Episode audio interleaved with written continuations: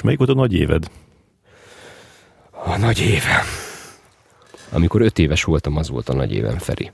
Tehát az összes dolog, ami a zenével kapcsolatos, és ami, ami a mai napig meghatározza azt, hogy én hogy csinálok, vagy mi az, ami egyáltalán a zenén belül érdekel, vagy mi az, ami egyáltalán megy, mi az, amire egyáltalán képes vagyok, az igazából onnan, onnan származik.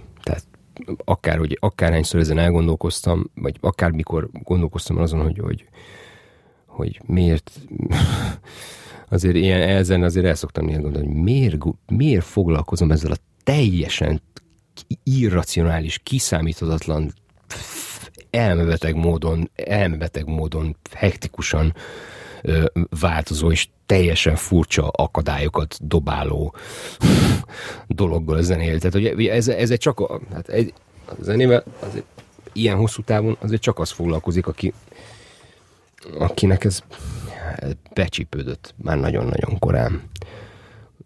És akkor próbáltam meg, megfejteni azt, hogy, hogy, hogy, hogy ez a korán ez mi. Tehát, hogy mi, mióta érzem azt. Én nem, én nem, én nem én ezekre a siker, én azért nem szíves, vagy azért nem tudom megmondani azt, hogy a, a te, te definíciót szerint mi a nagy évem, mert, mert azt nem tudom, hogy a te definíciót szerinti nagy évem az az lenne, amikor az első nagy sikereket elértük akármelyik zenekarommal, de ezt mondtam, hogy nekem a sikernek nagyon, tehát nagyon, nagyon fura viszonyom van a sikerhez most már így ennyi év után, szóval nem, nem amikor, amikor benne voltam, akkor akkor biztos uh, arra emlékszem csak, hogy akkor fasz voltam. Tehát akkor az, azért nem is, azért nem, na, egy, egy szó mint száz. Azért nem szívesen emlékszem vissza ezekre az évekre, mert, mert arra emlékszem, hogy amikor ezek a nagy sikerek voltak, akkor az nem a leg, akkor az nem, nem voltam a legkedvesebb ember az embertársaimmal.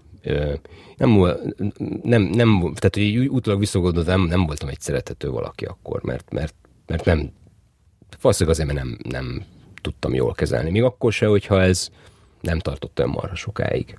Szóval nekem, a, a, amikor visszagondolok arra, hogy a, mondjuk a Boris zenekar 2007-ben, amikor igazán egyből tulajdonképpen nullára, nulláról százra begyorsultunk egy pár hónap alatt, mert a, mert a Petőfi Rádió segítségével ugye egy, egy, egy országos ismertséget szerzett egy pár számunk, akkor, akkor nem,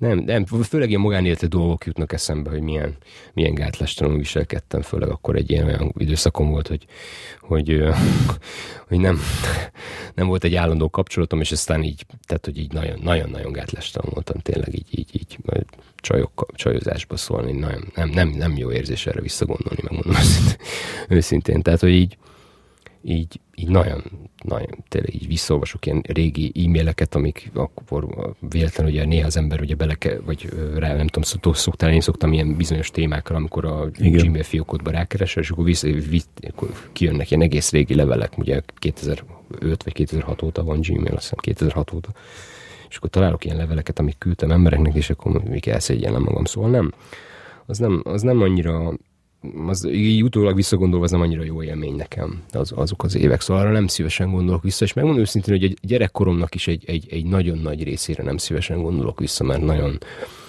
mert uh, nem azt mondom, hogy, hogy, hogy szörnyű gyerekkorom volt egyáltalán, tehát semmifajta olyan fajta olyan fajta dolog nem volt benne, amit, amit, amit általában a szörnyű gyerekkorra szoktak összekapcsolni az emberek, hogy a, tehát semmifajta abúzus, nem hogy ilyesmi, ne, ilyen, ilyen szempontból nem, nem volt, viszont nagyon mindegy, ez, ebben most nem akarok nagyon belemenni, de mindesetre volt egy ilyen nehéz küzdködős része a, a, a gyerekkoromnak, ami tulajdonképpen az iskolába kerülést nél kezdődött, tehát hat éves koromnál kezdődött. És viszont azért, és azért az öt éves kort választom ahhoz, hogy a nagy évem, mert öt éves koromban ugye még nem jártam iskolába, és viszont óvodában sem jártam, mert nem volt kapacitás akkor ott a, azon a környéken, ahol laktunk, tehát nem, tud, nem, vett, nem, nem mehettem el óvodában, nem volt szabad hely. És, és, és a, akkor az volt, hogy nagyon sok, nagyon sok minden nál megismerkedtem a zenével kapcsolatban olyan módon, hogy, hogy egyrészt, hogy apukám, apukámnak a lemezeit hallgattam. De hogy hallgattam, az, az, az, az úgy volt, hogy, hogy tehát, hogy ahogy egy gyerek hallgat egy számot, hogy amikor gondolom neked is a gyerekeid, amikor hogy századszor ugyanazt. Tehát ugye, ugye a kisgyerekek ugye így hallgatnak, hogy, hogy nekik a hallgatás az azt jelenti, hogy egy, egy gyereknek a hallgatás, hogy nem mindig mást akar, mindig, mindig ugyanazt akarja, csillió, csilliószor ugyanazt akarja, és mert, mert akkor az jó. És egyébként ez jó, hogy ez felnőtt korban is megmarad ez a dolog. Tehát én, nekem is van olyan szám, például van egy, egy gorillás szám, amit tavaly szerintem meghallgattam százszor legalább egymás után. És na, tehát hogy e, így hallgattam számokat, de hogy voltak lemezek is, amik érdekeltek, amiken több szám volt, de akkor is voltak lemezek, és három ilyen lemezre emlékszem amik, amik nagyon fontosak voltak, és az a fura, hogy a mai napig, hogyha ez, ez, ezt a hármat így egymás mellé rakom, akkor ez valahogy így össze, én nekem így össze, összejön, vagy ezt, tehát a, a, ebből a háromból így valami fajta értelmet nyer az, hogy most miért így állok a zenéléshez, vagy most miért ezek a dolgok foglalkoztatnak. Tehát először is volt egy kakuk, a kakuktojással kezdem, mert úgy érdekesebb, a Sebő Ferencnek volt az a lemeze, az az énekelt versek. Sebő Ferencet ráadásul élőben is megismertük, mert az Uzsoki utcában laktunk, és az Uzsoki utcának a végében van a, a Kassai téren a, a az a, az épület, amiben egy könyvtár működik, egyébként meg a Kassák klub volt ott, ahol a táncház mozgalomnak az volt egy ilyen komoly fellegvár, meg aztán később ugye a kontrollcsoportnak voltak ott koncertjei, tehát hogy ez egy ilyen fontos bázis volt így 70-es évek végén, 80-as évek elején, és ott, ott volt a Sebbő Ferencnek a táncház, és oda elvittek minket egyébként semmifajta zenei uh, tudatosság vagy zenei nevelés nem, nem volt, nem volt anyámban meg apámban. Tehát apám néha elénekelt egy népdalt, amit nagyon, vagy nem is egy népdalt, egy dalt, amit nagyon, amit nagyon megszerettem, az ajuháznak jól van dolgoz, baromi jól tudta énekelni, anyám egyáltalán nem tudta énekelni, tehát ő teljesen hamisan énekelt össze-vissza, úgyhogy inkább úgyhogy nem, de nem volt semmilyen, úgyhogy kisfiam, te zenész, ez semmilyen nem volt. És akkor a húgommal néha jártunk a táncházba, találkoztunk Sebő Ferenccel, és volt ez a lemez, a énekelt versek. És az énekelt versek lemez az egy ilyen versfeldolgozás lemez, ami nagyon fura, mert egyébként ez a műfaj ettől a mai napig nagyon-nagyon óckodom. Tehát ugye a, a, a versfeldolgozások valahogy nagyon ritkán találnak el engem, úgyhogy igaz, a legtöbb marhára idegesít.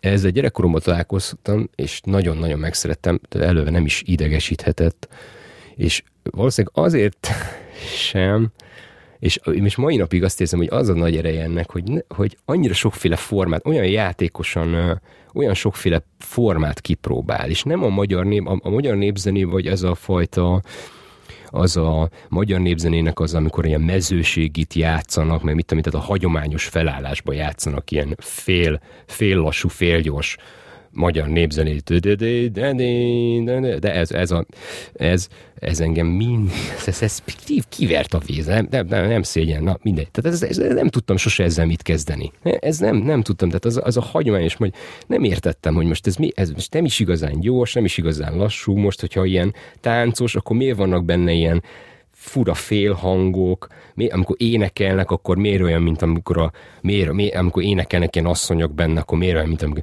mint a kaputelefont így benyomnám. Tudod, ez a fajta éneklés, ez az ilyen, kis, kiszakítja a dobhártyádat az egy kilohertz.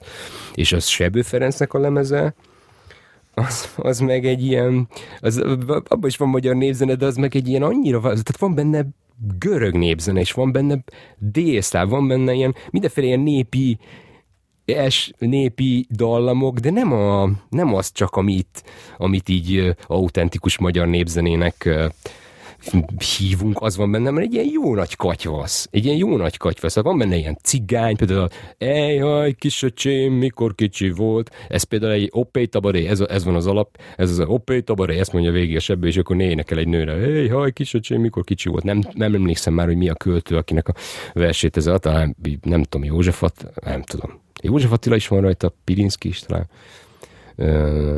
Kányádi Sándor, ilyesmikre emlékszem, de lehet, hogy tök hülyeségeket mondok. Teljesen mindegy, az a lényeg, hogy magyar versek vannak rajta feldolgozva, és olyan nagyon, nagyon változott, nagyon, külön, nagyon különleges. Tehát a legjobban, a legjobb, a, a, ami leginkább ilyen maradandó volt erről, az a, az a a József Attila vers, a Google-va ringadozom állat meleg karján búgyos, zsíros, papíros szendereg, azt hiszem. És az egy ilyen dész, egy ilyen, egy ilyen szívbe markolóan szép ilyen, ilyen valamilyen balkáni ilyen dallamra van rárakva, és ez, tehát hogy ezek, ezek így nagyon, nagyon-nagyon belémi voltak ezek a dolgok, tehát hogy sokszor van, amikor ilyen, amikor ilyen népzenei ö, dolgok így eszembe jutnak, vagy ilyen egyszerű pentaton dallamok eszembe jutnak, vagy ilyen folk ö, elemek eszembe jutnak a mai napig, akkor nem a, nem a, a nem a, nem ehhez a tradicionális magyar népzenéhez nyúlok soha, hanem, hanem, hanem ennek a lemeznek az emlékei jönnek vissza. Ami nem kifejezetten magyar, tehát ugyanannyira magyar, mint amennyire nem tudom, lengyel, vagy amennyire szerb, vagy amennyire, nem tudom, görög akár, vagy török. Tehát, hogy ezek, ezek a hatások így mind benne vannak. Tehát ez, ez volt az, az egyik, ez, ez a kakuktojás, és a másik két kakuktojás az meg azért, azért ez a kakuktojás, a másik kettő meg nem, mert a másik kettő az meg a hagyományos értelemben vett ilyen könnyű zene, vagy hogy nevezzük, tehát azok, azok az inkább a pop, mert volt egy bácsis lemez, meg egy nénis lemez, amit ugye így, hív, így hívtam kiskorom, hogy bácsis lemez, nénis lemez, mind a kettő megvan még anyámiknál. És a bácsis lemez az az volt, hogy volt egy, egy ilyen csehszlovák lemez volt, amin ilyen country feldolgozásokat játszott egy cseh, e, egy, azt hiszem, ha jól emlékszem, cseh zenekar. Ö, és azért bácsis lemez, mert ilyen, ilyen meglett férfiak voltak a hátsó borítón így összeülelkezve ilyen mm. középkorú férfiak, és akkor ilyen Johnny Cash, meg ilyen feldolgozások voltak rajta, a Ring of Fire, meg valami ilyesmi, aztán először egy ilyen cseh, é, ilyen nagyon mély hangú cseh énekesnek a De angolul? hallottam angolul nagyon durva cseh akcentussal. Nekem az volt a Ring of Fire, nem amit a Johnny Cash énekelt, nekem az volt a, a Ring of Fire. Tehát ez, ez a dolog, és akkor így a country zenét azt egyből már meg is ismertem ezzel. A másik, a nénis lemez, az meg olyan volt, hogy hát valójában nénik és bácsik is voltak rajta, de nekem valamiért a nénik feltűntek a lemezboríton, azért azt nénis lemeznek hívtam. Az meg egy ilyen mexikói, ilyen, ilyen mariachi fúvósos, ilyen mexikói valamilyen folk, folk rock, vagy valami ilyesmi zenekar.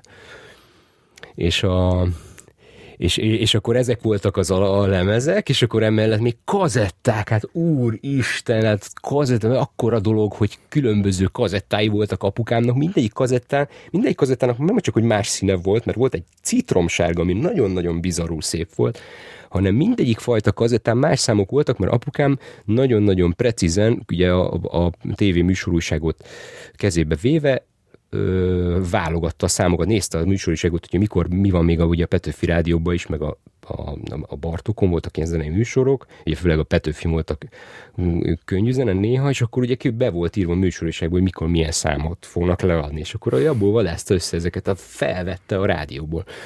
Volt egy kis magunk, és az a fölvette, és fölvette az jó számokat, amiket gondolt, és akkor néha-néha a, az ilyen körzös vonalzós popműsor szerkesztéstől eltérő dolgokat, és ott azért leadtak, és akkor találkoztam ilyen furaságokkal is néha, mint, mint aztán mondjuk később, ez azért nem öt éves koromban volt, hanem inkább tíz, de hogy ezt folytatódott ez a kazettázás, meg felveszegetés, és mi nyeső Mari, meg mit tudom én ilyenek is találkoztam, de hogy a, hogy, hogy, hogy apukámnak a kazettája, és annyira jó volt az, hogy minden egyes kazettám volt. Tehát, hogy tele volt ilyen csodák, és tele volt ilyen olyan, olyan számokkal, amik annyira lekötötték az öt éves agyamat, hogy az nem igaz. Tehát, hogy, foly, tehát, hogy teljesen abban éltem, hogy úristen, most tehát technikailag is lekötött, és nagyon, tehát maga az a látvány is lekötött, hogy a, a magnó kazetta az, hogy tekeredik, hogy az a magnó az milyen, hogy az hogy lehet használni, tehát hogy ezek a mechanikai dolgok, amik vannak. Tehát nekem ez volt a, a, az autózás helyett, meg a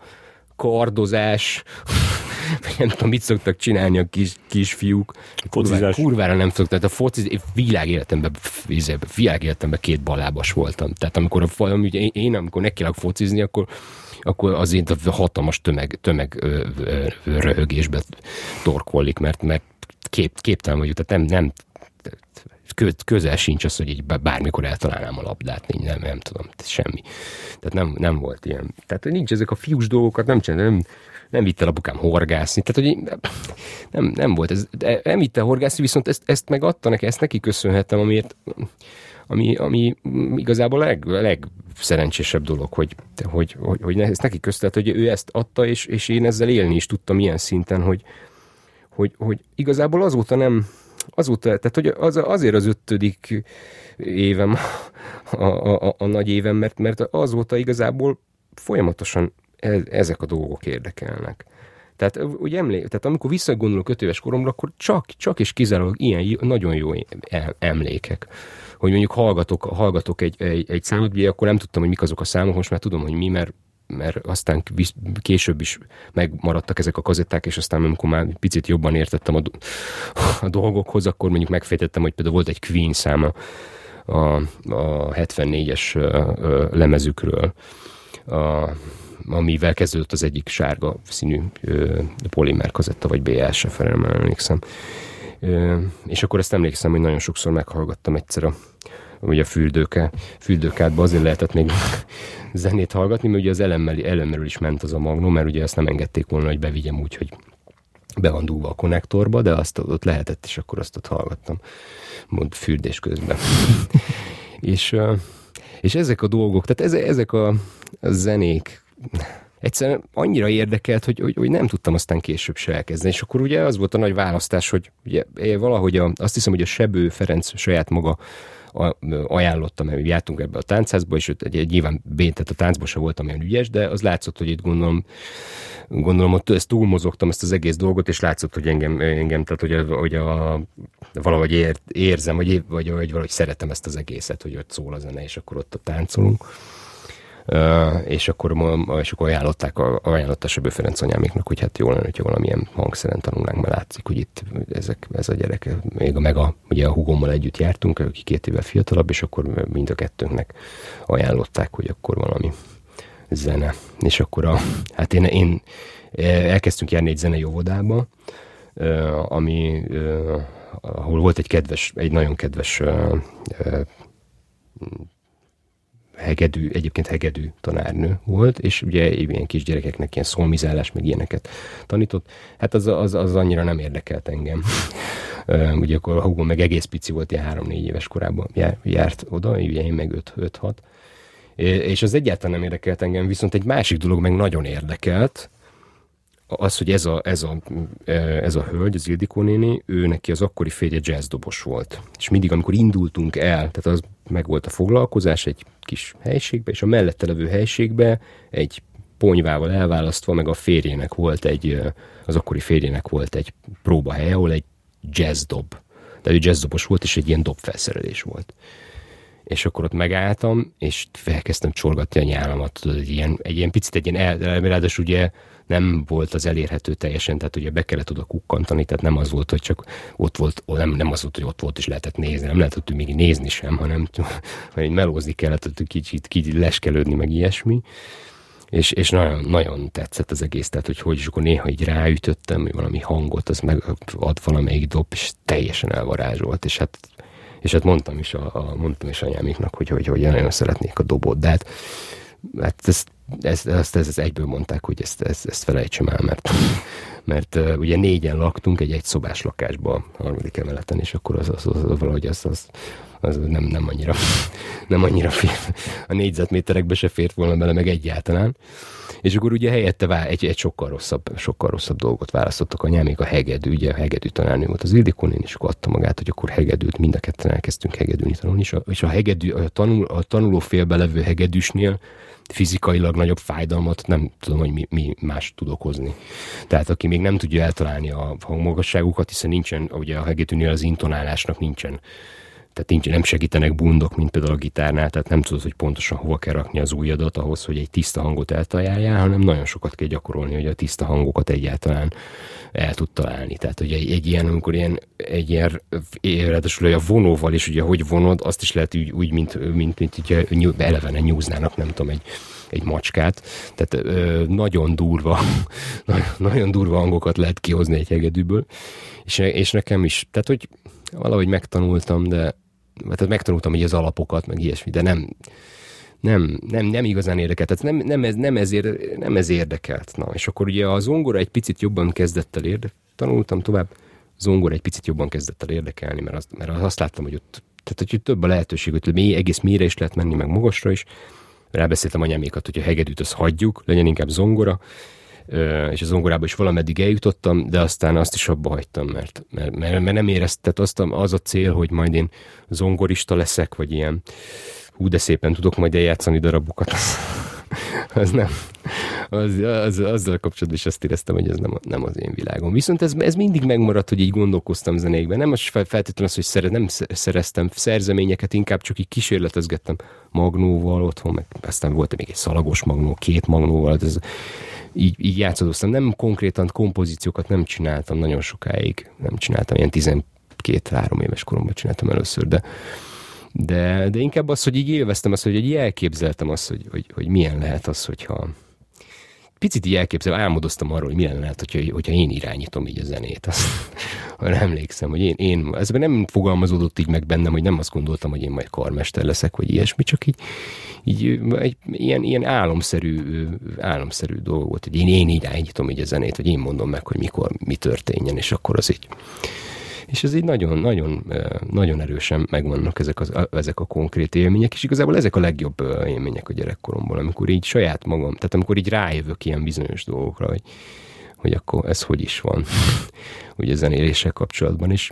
És azért az öt éves korom, tényleg, mert, mert, mert azt érzem, hogy ott, ott minden eldőlt. Azt érzem. Azt érzem, hogy ott minden eldőlt. Tehát ez annyira intenzíven beszippantott az az egész dolog, hogy, és aztán persze ez a, ez a három lemez, amit az előbb meséltem, tehát ehhez még hozzájött ugye nagyon sok, amit apukám ugye vett a, a ugye nem a feltétlenül a, a mondjuk a centrumáruházban, hanem a amit a baráta egyszer egyik barátja volt, mit tudom én, Jugoszláviába, és akkor hozott lemezeket, úristen, de jó, új, új lemezek, amiket nem is lehet, egy kicsit ilyen titkos, még ez a kis titkos dolog is, hogy volt a Jugoszlávia, jó, Jugoszlávia nem volt egy titkos ország, de mondjuk volt, aki NSK-ba volt, NSK-ba volt, és akkor onnan hozott lemezeket, és akkor atya ég, ezek milyen, mit, micsoda, és akkor a Queen-t végre, egy, nem azt a Queen lemezt, ami kazettán volt, hanem egy másikat, egy újabbat sikerült megismerni, ugye az, azon volt a Bohemian Rhapsody, ez a, ez a Night at the Opera című lemez ami aztán megint egy, kinyitott egy, egy olyan, olyan világot, tehát olyan dolgokat ismertem meg ott, ott benne, hogy fú, nagyon, tehát hogy ez, igen, és ez, ez így ez szeren, szerencsé, én ebből a szempontból nagyon-nagyon nagyon-nagyon szerencsésnek érzem magam, hogy, hogy végül is végül is e, emiatt a dolog miatt, tehát hogy igazából amikor így el is vagyok kenődve, meg amikor én úgy, úgy van, hogy most éppen nem, nem úgy megy, nem úgy mennek a dolgok, mondjuk akár a zenélésben, akár más dolgok, vagy ilyesmi, akkor mindig igazából jó, hogyha mindig emlékeztetem magamat. Igazából nagyon-nagyon szerencsés vagyok, hogy, hogy így alakult az életem, hogy, hogy azt, amit már öt éves koromban így kitaláltam, hogy én kitalálok ilyen zenéket, és akkor abba így be, és aztán így az, az, az, az majd valami lesz. Az, az tulajdonképpen a mai napig így van. És ez, ez, ez, egy, ez tényleg, ez, ez, azért tényleg kellett hozzá szerencse is. Akkor, amikor konkrétan elkezdtem a már felnőtt fejjel, mondjuk már tudatosan dalokat írni, mondjuk a Taliska Szabival együtt, akkor mondjuk pont egy olyan, olyan ö, időszak volt mondjuk a magyar popzenében, hogy olyan, olyan, tehát a mainstream magyar popzene akkor az volt, mint a, hát egyébként kb. hasonló, mint most, tehát ugye a, a, ugye a jellegét vagy üzenetét tekintve, tehát akkor is az volt, ugye van a Juventus meg a Danubius rádió volt, és hát ezeken olyan zenék mentek, amiket amikhez én hozzá sem tudtam szólni, tehát hogy én nekem nem, tehát hogy én nekem valahogy mindig azért a furcsább, a furcság dolgokat furcsább dolgokra kerestem rá a zenében, meg a furcsább dolgok kapták el úgy igazán a, a, a, az érdeklődésemet, tehát ugye mit tudom, az Ice nagyon az volt az egyik ilyen fontos zenekar így a kamaszkoromban. Meg hát az, az összes dolog, ami így az egész ilyen, mondjuk az alternatívnak nevezett zenékben már akkor elérhető volt, mondjuk Nick Cave és társa, és a többi, meg a kontrollcsoport megint. És, és amikor elkezdtük, akkor meg ugye az volt, hogy ez a Danubius, Juventus, hát mind a kettő olyan hogy végtelen rossz zenék mentek mind a kettőn, tehát hát pont, pont ugyanaz, mint ami most a, most a, a ezért nem tudom, rádió egy, hát nem tudom, lehet, néha-néha el lehet kapni egy jó számot, de hát azért a legnagyobb része, ami ott megy, azért ez nem olyan jó, nem? Hát, tudom, hogy te szoktad hallgatni a lányait. Hát kénytelen vagyok, igen. De a, a, a legbiztosabb mindig, amikor azt meg, hogy zenei változatosság. Teljesen egyforma számokat adok folyamatosan. Igen, és akkor az volt, és, és, és ugye én azért is sodroltam, tehát azért is, hogy, hogy, hogy, miért, miért ilyen, miért ez a furcsa zenét. Azért is sodroltam ebben a furcsa, furcsa zenei világban, és azért, mert azt éreztem, hogy én ez, ez a mainstreamhez, tehát azt éreztem, hogy ebbe ezzel nem, nem, tudom, nem tudnám fölvenni úgyse a versenyt. Tehát, hogy így nem, ezzel, tehát, hogy azt érzeztem, hogy abba, tehát akkor pont egy olyan zenei köznyelv volt így a popzenében Magyarországon, amivel azt semmifajta rokonságot nem éreztem. És aztán amikor ugye, ugye a, a, megismertem ugye a kispát, meg ezeket a dolgokat, akkor, akkor mégis az, hogy a kispál önmagában még nem adott reményt, de aztán amikor, amikor rájöttem, hogy van egy ilyen egy ilyen szcéna tulajdonképpen, vagy hogy is mondjam, van egy ilyen másik, egy ilyen párhuzamos valóság, ugye a rádiókkal szemben, hogy a rádiók konzekvensen nem játszottak semmifajta ilyen alternatívnak nevezett dolgot nagyon-nagyon sokáig. Tehát igazából 2006-ig, 2006 volt az első év, hogy hogy ugye a Petőfi Rádióba egy, de, és nem is egy túl hosszú ideig, csak egy pár évig hmm. ugye beengedtek ugye minket, a Péter Fibori Love Band, ugye akkor volt a 30Y, a Vadfrutik, ezeket a zenekarokat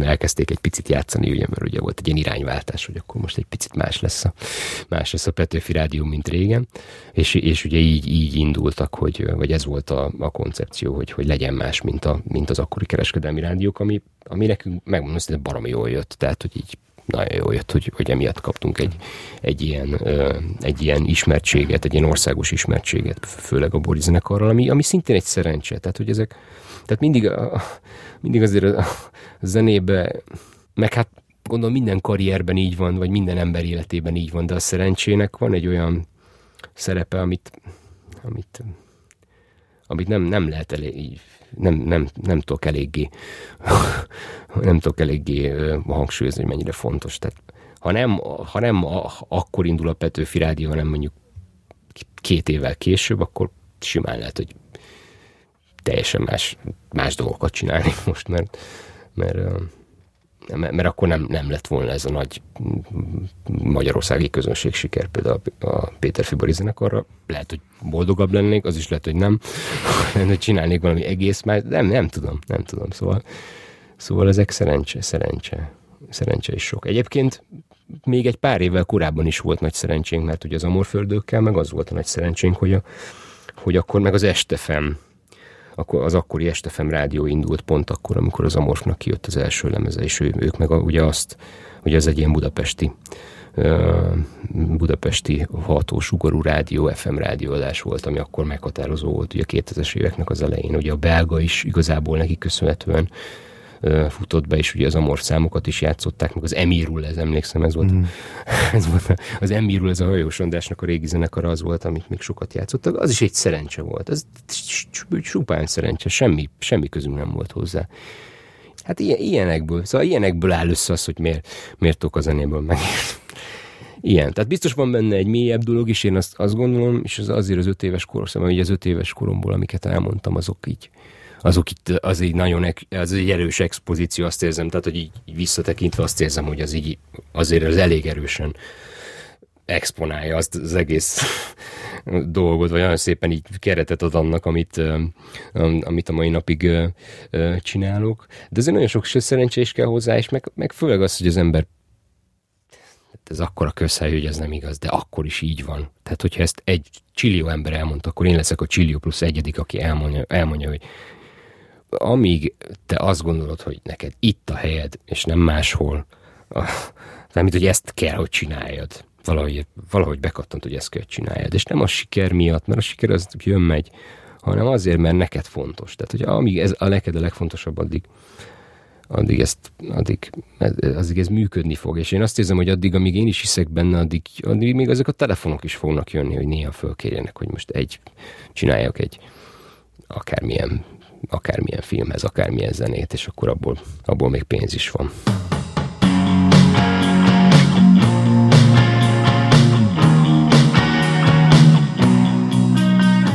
Szervusztok, kedves hallgatók! Ez a Recorder podcastja a nagy évem. Engem Varga Ferencnek hívnak. Mai vendégem Tövisházi Ambrus, zeneszerző, billentyűs, egykori Omorfördögök és a Péter Fiborian Love Band alapító tagja, illetve az Erik Sumo Band frontembere. Szia, Amrus! Szerbusztok! Nem is tudom, hogy hogy kezdjük. Talán úgy, hogy ezután hol mész? Hát ez egy koncertünk. Most ez egy picit bizarr ebben a helyzetben. Az összes koncert, de, de mégis vannak koncertjeink. Hát próbálkozunk koncertezni. És azért bizarr, mert hogy, hogy közben azt érzed, hogy hogy nem kéne itt lenni, lehet ilyen sokan együtt, vagy... Hát szerintem mindenkiben van egy ilyen érzés. A, a, a realitás az az, hogy a, a, a, a mi, mi realitásunk most ebbe a valóságba itt a negyedik hullámnak a nem tudom, közepén. Én, én, én nem vagyok ilyen optimista, hogy már vége fele van, szerintem a közepe. Hogy azok a zenek, tehát a, a, a fiatal lapközönséggel rendelkező zenekarok, tehát mondjuk tipikusan azok a zenekarok, akik mondjuk ilyen 16, ahol mondjuk ilyen 16-25 év közötti mm, korcsoport a célközönség, mondjuk a Carson Coma vagy, vagy hasonló zenekarok, sokkal komolyabb közönség felhozatal tudnak produkálni ebbe, a, ebbe az időszakba, és nekünk azért idősebb a közönségünk, tehát nekünk azért inkább ilyen, főleg a Borinak a közönsége. Tehát a Bori Bori zenekarnak a közössége az ilyen, hát azt mondanám, hogy ilyen inkább a 25 és a, elég nagy a szórás, de mondjuk 25 és a, az 55 között. És de azért nem mennek eljönni az emberek? Sokkal kevésbé, sokkal kevésbé. Tehát, hogy az, a, az, az történt most az utóbbi időszakban, hogy, hogy hát nagyjából így a fele, fele közönséget. Tehát nagyjából ilyen félházunk van nagyjából mindenhol. Tehát, hogy a vidéken, a vidéken mondjuk eleve nehezebb a helyzet, tehát, hogy ne, a vidéken azért mindig is, mindig is nehezebb volt, vagy mindig is kiszámíthatatlanabb az, hogy hányan jönnek el egy koncertre, de, de, de vidéken is, meg Pesten is most az látszik, hogy nagyjából a fele jön el a közönségnek ahhoz képest, ami mondjuk, a, mondjuk két évvel ezelőtt volt.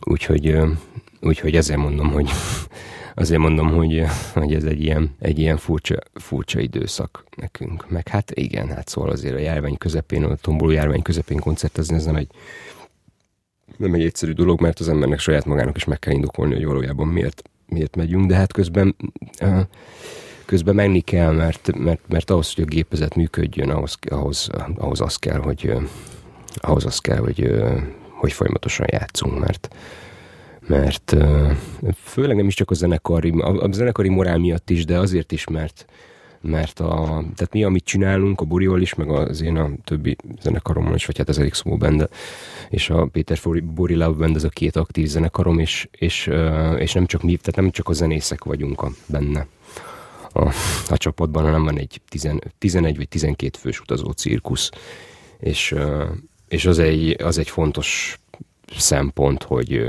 hogy ezek a nagyon lelkes emberek, akik körülöttünk vannak, ne, ne veszítsék el a lelkesedésüket. Tehát a, a, adott esetben még olyat is el, el tehát ugye a stáb, akik, akik jönnek velünk, tehát a, a ródok, a, a, ham, a hangosító, fény, fényes emberünk, sofőrünk, tehát adott esetben még azt is megcsináljuk, hogy hogy elmegyünk egy olyan koncertre, amiről biztosan tudjuk, hogy mi nem fogunk pénzt keresni, viszont a, viszont a stábnak tudunk gázsit adni, és akkor ez egy, ez egy, ez egy fontos szempont most ebbe a túlélős időszakban. És neked így az évek során, mert hogy már azért 20 évet csinálod, hogyha azt nézzük, hogy 20 éve jelent meg, a, vagy hát 21 éve jelent meg az Amorföldőknek az első lemeze, hogy, hogy volt, voltak ilyen olyan időszakok, amikor így eltűnedezett a közönség, aztán visszajött, vagy valamit kellett csinálni, hogy, hogy visszajöjjön, tehát hogy ez, ez így, így foglalkoztatott? Hát én, amit én, az a zene, amit én csinálok, az sose volt egy ilyen, sose volt egy ilyen nagy tömegeknek szóló valamilyen. Szóval a magyar népnek a lelkét azt nagyon kevés alkalommal tudtam igazán megszólítani a dalaimmal én azért mindig valahol egy kicsit egy, egy ilyen furcsább birodalomba kerestem saját magamnak is a szórakozást, meg, a, meg az emberek, akik eljöttek a koncertjénkre, azok is a, azért a... Viszont akiket megszólítottad, azok az milyen szólítottál meg?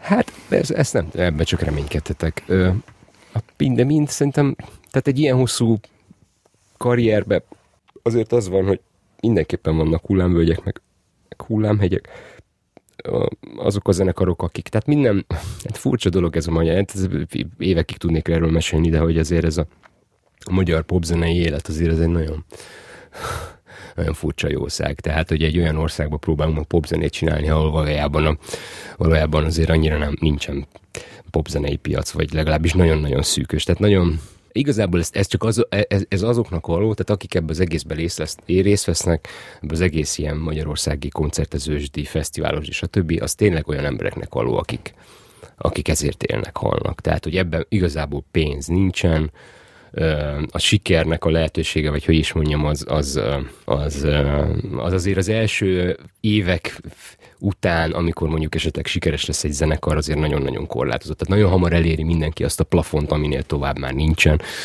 Tehát ahhoz, hogy ebben valaki megmaradjon sokáig, azért nagyon kell szeretni azt a részét is, amit, amivel én megmondom őszintén elég sokat küzdök. Tehát ez a, ez a fordított, megfordulnak a napok, hajnali háromkor zögykülödünk haza valami istenverte helyről a busszal, és aztán ugye nem tudok elaludni még órákig, és aztán másnap reggel megkelni kell, mert az embernek van egy nappal élete is, szóval ez, ez, ez a része, ez megmondom őszintén, nekem nagyon nehezen megy, de aki ezt bírja, az szerintem hosszú távon meg fog ebbe maradni, de hogy...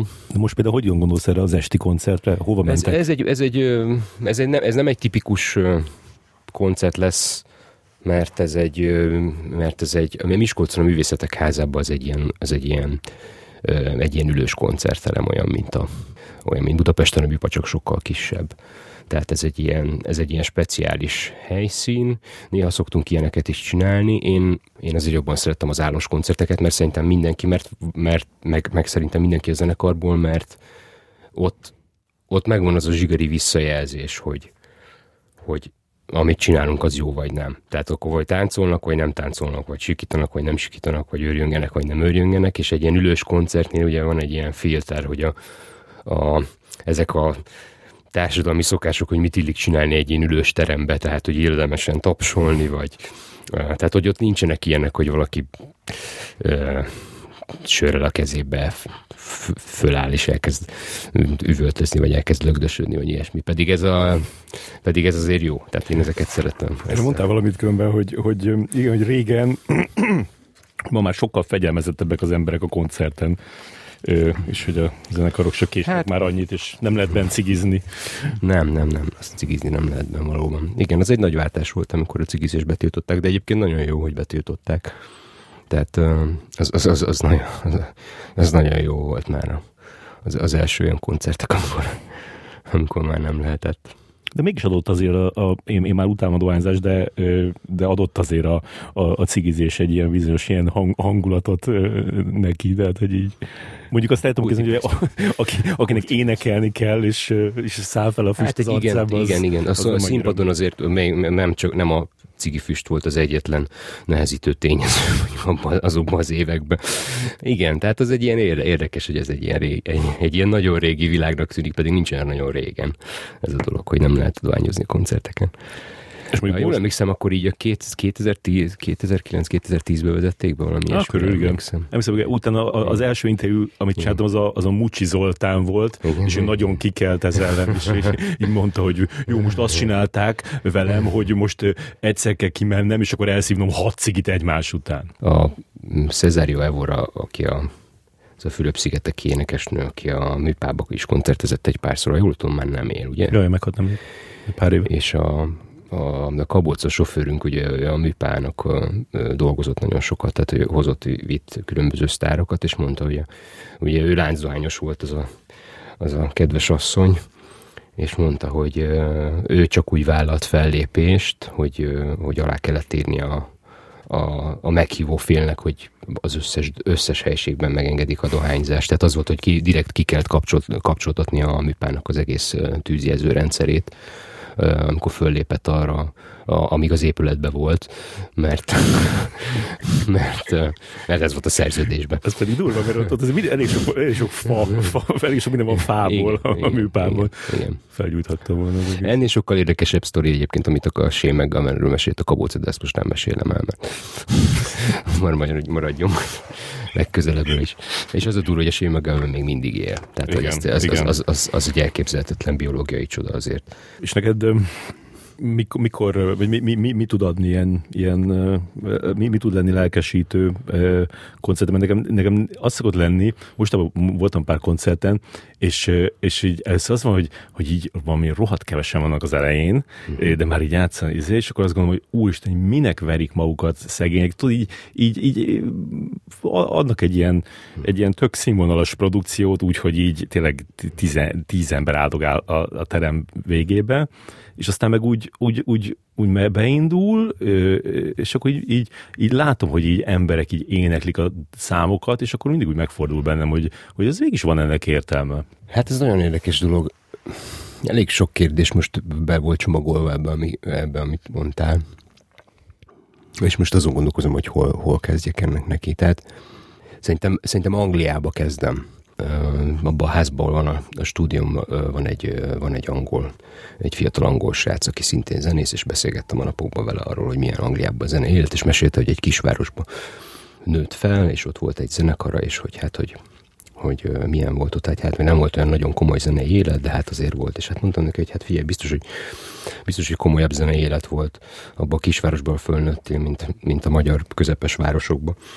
Mert ugye Angliában a zenének, ennek a típusú zenének, tehát a, mondjuk a popzenének, a jelentősége, vagy a jelentése, vagy a súlya az ugye sokkal nagyobb, mert hogy sokkal komolyabban, tehát ugye az angol, tehát, tehát ott, ott ugye van, van egy gravitációja a, a, annak, hogy annak, hogy egyáltalán egy zenekar alakul, hogy zene, egy zenekar elkezd próbálni, egy zenekar kiáll a közönség elé, hiszen a, hiszen a brit kultúrában ugye a, a popzene, meg a politika, és a, tehát a popzene és a társadalmi események azok iszonyatosan összefonódtak a, a mondjuk így a 70-es évektől kezdve.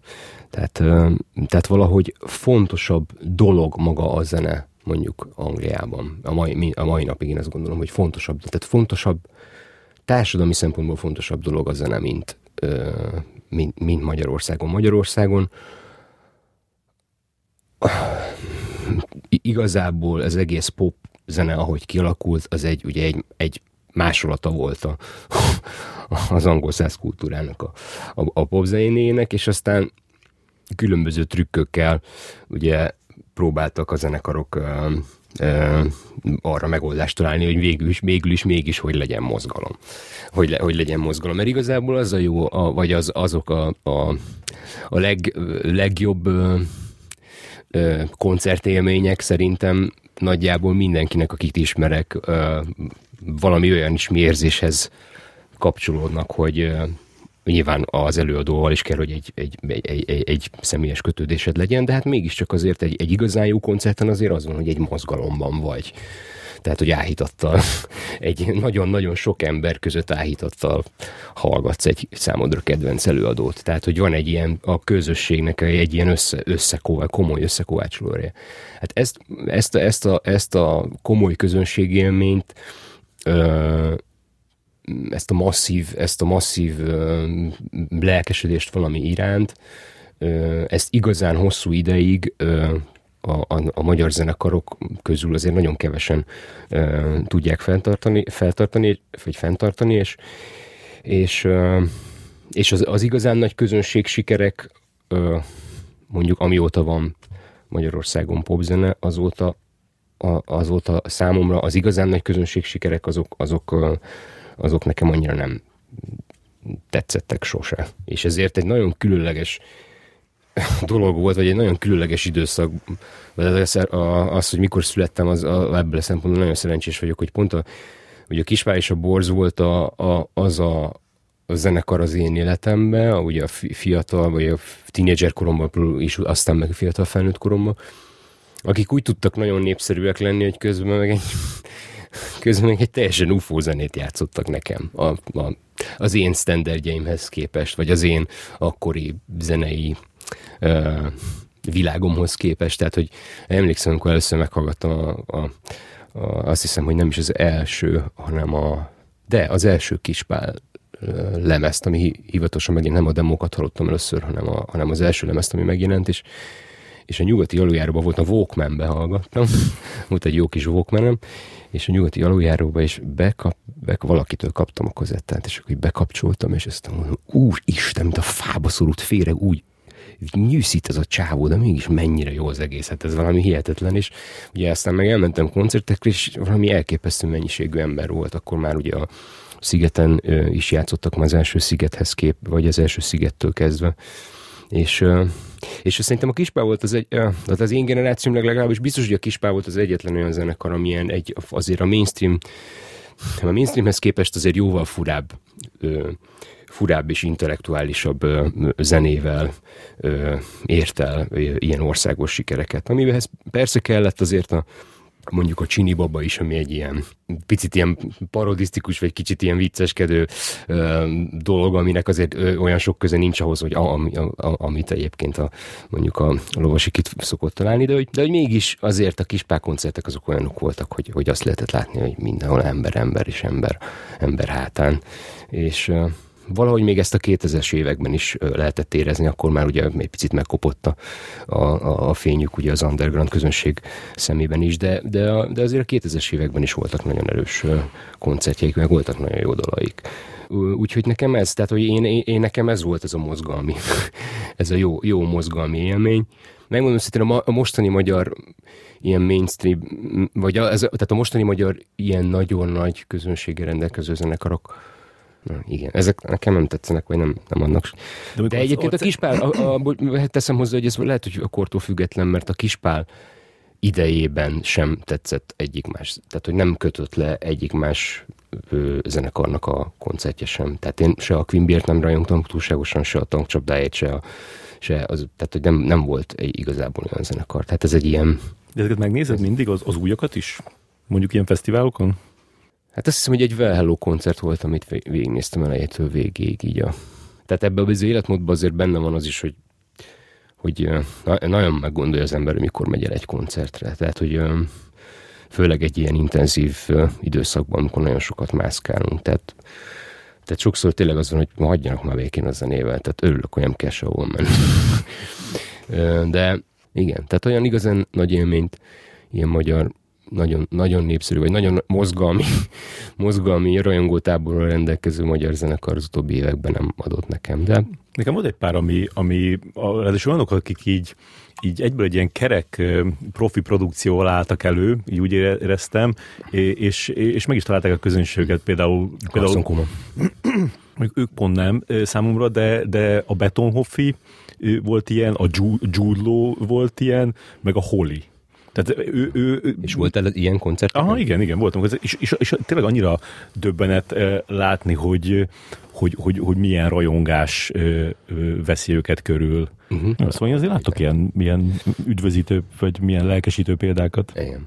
Nekem a Krúbi tehát a Krubinak vannak nagyon merész dolgai, amik, amik nekem borzasztóan tetszenek. Tehát, hogy, tehát igazából az, hogy a, a, a, nekem azt tetszik benne, hogy, hogy, hogy nincs benne semmifajta gátlás azok ahhoz képest, vagy a, a, az a, annak tekintetében, hogy mondjuk a szavakkal mi az, amit uh, mi az, amit lehet csinálni. Tehát az nagyon, nagyon merész. Csak engem rettenetesen idegesít, hogy énekel. Tehát, hogy kitalálta valahogy maga, hogy ő a, a Tyler, the, magyar Tyler the Creator, de, de a Tyler the Creator tud énekelni, olyan Krubi meg nem tud énekelni, és azt hiszi, hogy igen, de valamiért azt vettem észre a koncerten, hogy ez nem zavarja a közönséget. És amíg néha begugoltasz a, a, a, a, a YouTube trendingbe, akkor ott mit látsz? Mert ott azért vannak, nem, nem. vannak cifra nem, dolgok. Nem, nem, nem szoktam ilyet csinálni. Szoktam YouTube csatornákat nézni, hát van, van YouTube, tehát hogy használom én is a YouTube-ot, de, de másra. Uh-huh. Erre nem. Na, csak mert ott azért az meg, az meg egy egészen más világ, és az, annak is megvannak a, a tanulságai. Igen, amit, amit, amit láttam abból, vagy ami a tanulság nekem abból, az talán az, hogy, hogy akkor is lehet valami nagyon-nagyon népszerű Magyarországon, hogyha mondjuk teljesen láthatatlan a, a koncert tezős világban, vagy a fesztiváloknak a világában. Tehát azért volt sok, sok olyan előadó, akik tehát például ez a Petőfi Sándor gatyába táncolós szám, ami a, ezt a két kislány énekelt, amilyen iszonyat mennyiség nézőt, nézőt van. Tudod, az a Petőfi Sándor. Igen, és hát ők azóta is jönnek el számokkal folyamatosan, és folyamatosan igen, ott vannak a, igen, igen, az igen, él, élvonalban. Igen, és hát ők, ők, ők nem voltak, meg hát sok ilyen előadó volt. Tehát, tehát szoktam, szoktam, szoktam vagy, vagy, vagy éhes vagyok az újdonságokra. Tehát, hogyha, hogyha valami jó, bizarr dolgot találnék, akkor annak nagyon örülnék, hogy valami igazán, valami igazán fura, nem tudom, megszólást vagy perspektívát. Hol itt próbáld meg? Azért ott mégis van, egy, van, van neki egy, egy 18 perces száma, amit, ami egy ilyen, egy ilyen randit mesél el. Tényleg? Igen. Ez... Holi. Jó, megnézem. Van egy Pi nevű rapper, ezt nem tudom, ismered-e? Igen. A Buba Fettel van egy egy közös számuk, és, és nekem ő, ő, ő az, aki valahogy így a személyiségbe, tehát valahogy nagyon, nagyon megnyerő volt a személyiség, valamiért nagyon, nagyon tetszett. Ezt a, a, ezt a Magyarországon ugye a gettók hiány, és, és, és a, a, és Kalasnyikovok hiány, ugye ez mindig ez a, ez a, ez a keménykedés, ez mindig valahogy nagyon, nagyon visszatett, visszatetsző, vagy, vagy, olyan, vagy olyan röhelyes, vagy hiteltelen, vagy mit tudom én. Tehát az a Gangsta Zoli legalább nem csinált abból titkot, hogy az egész dolog, tehát hogy nem csinált abból titkot, hogy igazából az édesapjának a, a, a hivatását folytatja, aki ugye egy operett színész uh, volt, tehát ugye ő, ugye ő is, ő is tulajdonképpen egy, tehát hogy ő bevállalta ilyen operett test megközelítésből csinálta ezt a keménykedést, amiben nem volt semmi igazi, de de azért sok, sokszor van az ugye keménykedés, meg ez a Hát ugyanaz, mint, igazából szerintem ugyanaz, mint a 60 de ugyanaz, ugyanabban azzal a dilemmával szembesülnek szerintem a mostani kezdő rapperek is, mint amivel az Illés zenekar. A 60-as években, hogy, hogy hogy legyen, hogy nekünk nagyon tetszik ez a zene, ami a Szabad Európa rádióból szól, de hát, hogy valójában hogy csináljunk ebből olyat, ami aztán a magyar emberekhez is, vagy a magyar embereknek is van, lesz hozzá valami közük, hogy azért ne az legyen, hogy nehogy legyen, hogy egy az egyben azokat a számokat, hanem egy kicsit vigyünk bele saját magunkat. Hát ez, ez, szerintem, ez szerintem mindegy, tehát amíg, amíg lesz magyar könnyűzene, addig ez, ez, ez a dilemma, vagy ez, a, ez, a, ez az alapfelállás, ez azért meg lesz szerintem is, és, és, kevesen, és kevesen, mindig kevesen lesznek azok, akik ezt, ezt, akik ezt igazán elegánsan és igazán klasszul meg tudják oldani, úgy például, mint, mint ahogy a lóvé. Tehát, de szerinted te is meg tudod ezt oldani? Szóval, hogy, hogy ez a magyarul hitelesen megszólalni, én nem tudom, én, én nem, nem, én nem, nem gondolok túl sokat ugye saját, uh, saját tehetségemről ezen a, ezen a fronton, meg semmilyen fronton. Tehát, hogy így én csak azt tudom magamról, tehát én egy iparművész vagyok. Érted? Tehát én, én az vagyok, aki így, így nagyon szép ilyen széklábokat tudok kifaragni. És aztán, aztán, hogyha valami ezekből megtapad, vagy mit tudom én, tehát igazából mondjuk egy olyan dolog van, ami tényleg beíródott a magyar kottáskönyvbe, a, vagy a magyar nóta katalógusba, ugye a Hajvőbel a hajamba, ami egy ilyen furcsa szerzet, mert ugye a Bórinak az első lemezére készült, de azért inkább igazából hangzásában, meg szellemiségében inkább egy ilyen, egy ilyen magyar nótázós amorföldők számhoz hasonlít ami ugye az előző zenekarunk volt, az előző korszaknak a része, hát aki csuda tudta volna, hogy aztán pár évvel később az ilyen artiszusos elszámolásokból szembesülök azzal kapcsolatban, hogy rettentő mennyiségű ilyen esküvői zenekar játsz ezt feldolgozásként. Úgyhogy nekem ez az egy, hát nem tudom. A Nádori Péter azt jósolta nekem egy pár évvel ezelőtt, amikor beszélgettünk, azt, azt, mondta, hogy, azt mondta, hogy egy azt mondta, hogy egy ilyen nagy sláger még benned van. Azt mondta, azt mondta hogy még, még egy, egy ilyen, amit így mindenki meg fog ismerni, azt még, fog, fog, azt még fogsz írni, én azt érzem. Úgyhogy, úgyhogy ezt, ezt a jóslatot kaptam, de... Ez egy kegyetlen, kegyetlen mondat, nem? Tehát nem, ez... nem, ez egy nagyon, ez, ez nagyon pozitív. Jó, egyrészt pozitív is, de azért... Tehát, hogy az, hogy, az, hogy tehát, hogy az, Sokszor az... eszedbe jut, amikor így egy újabb szám elkészül, hogy vajon ez lesz-e az? Nem.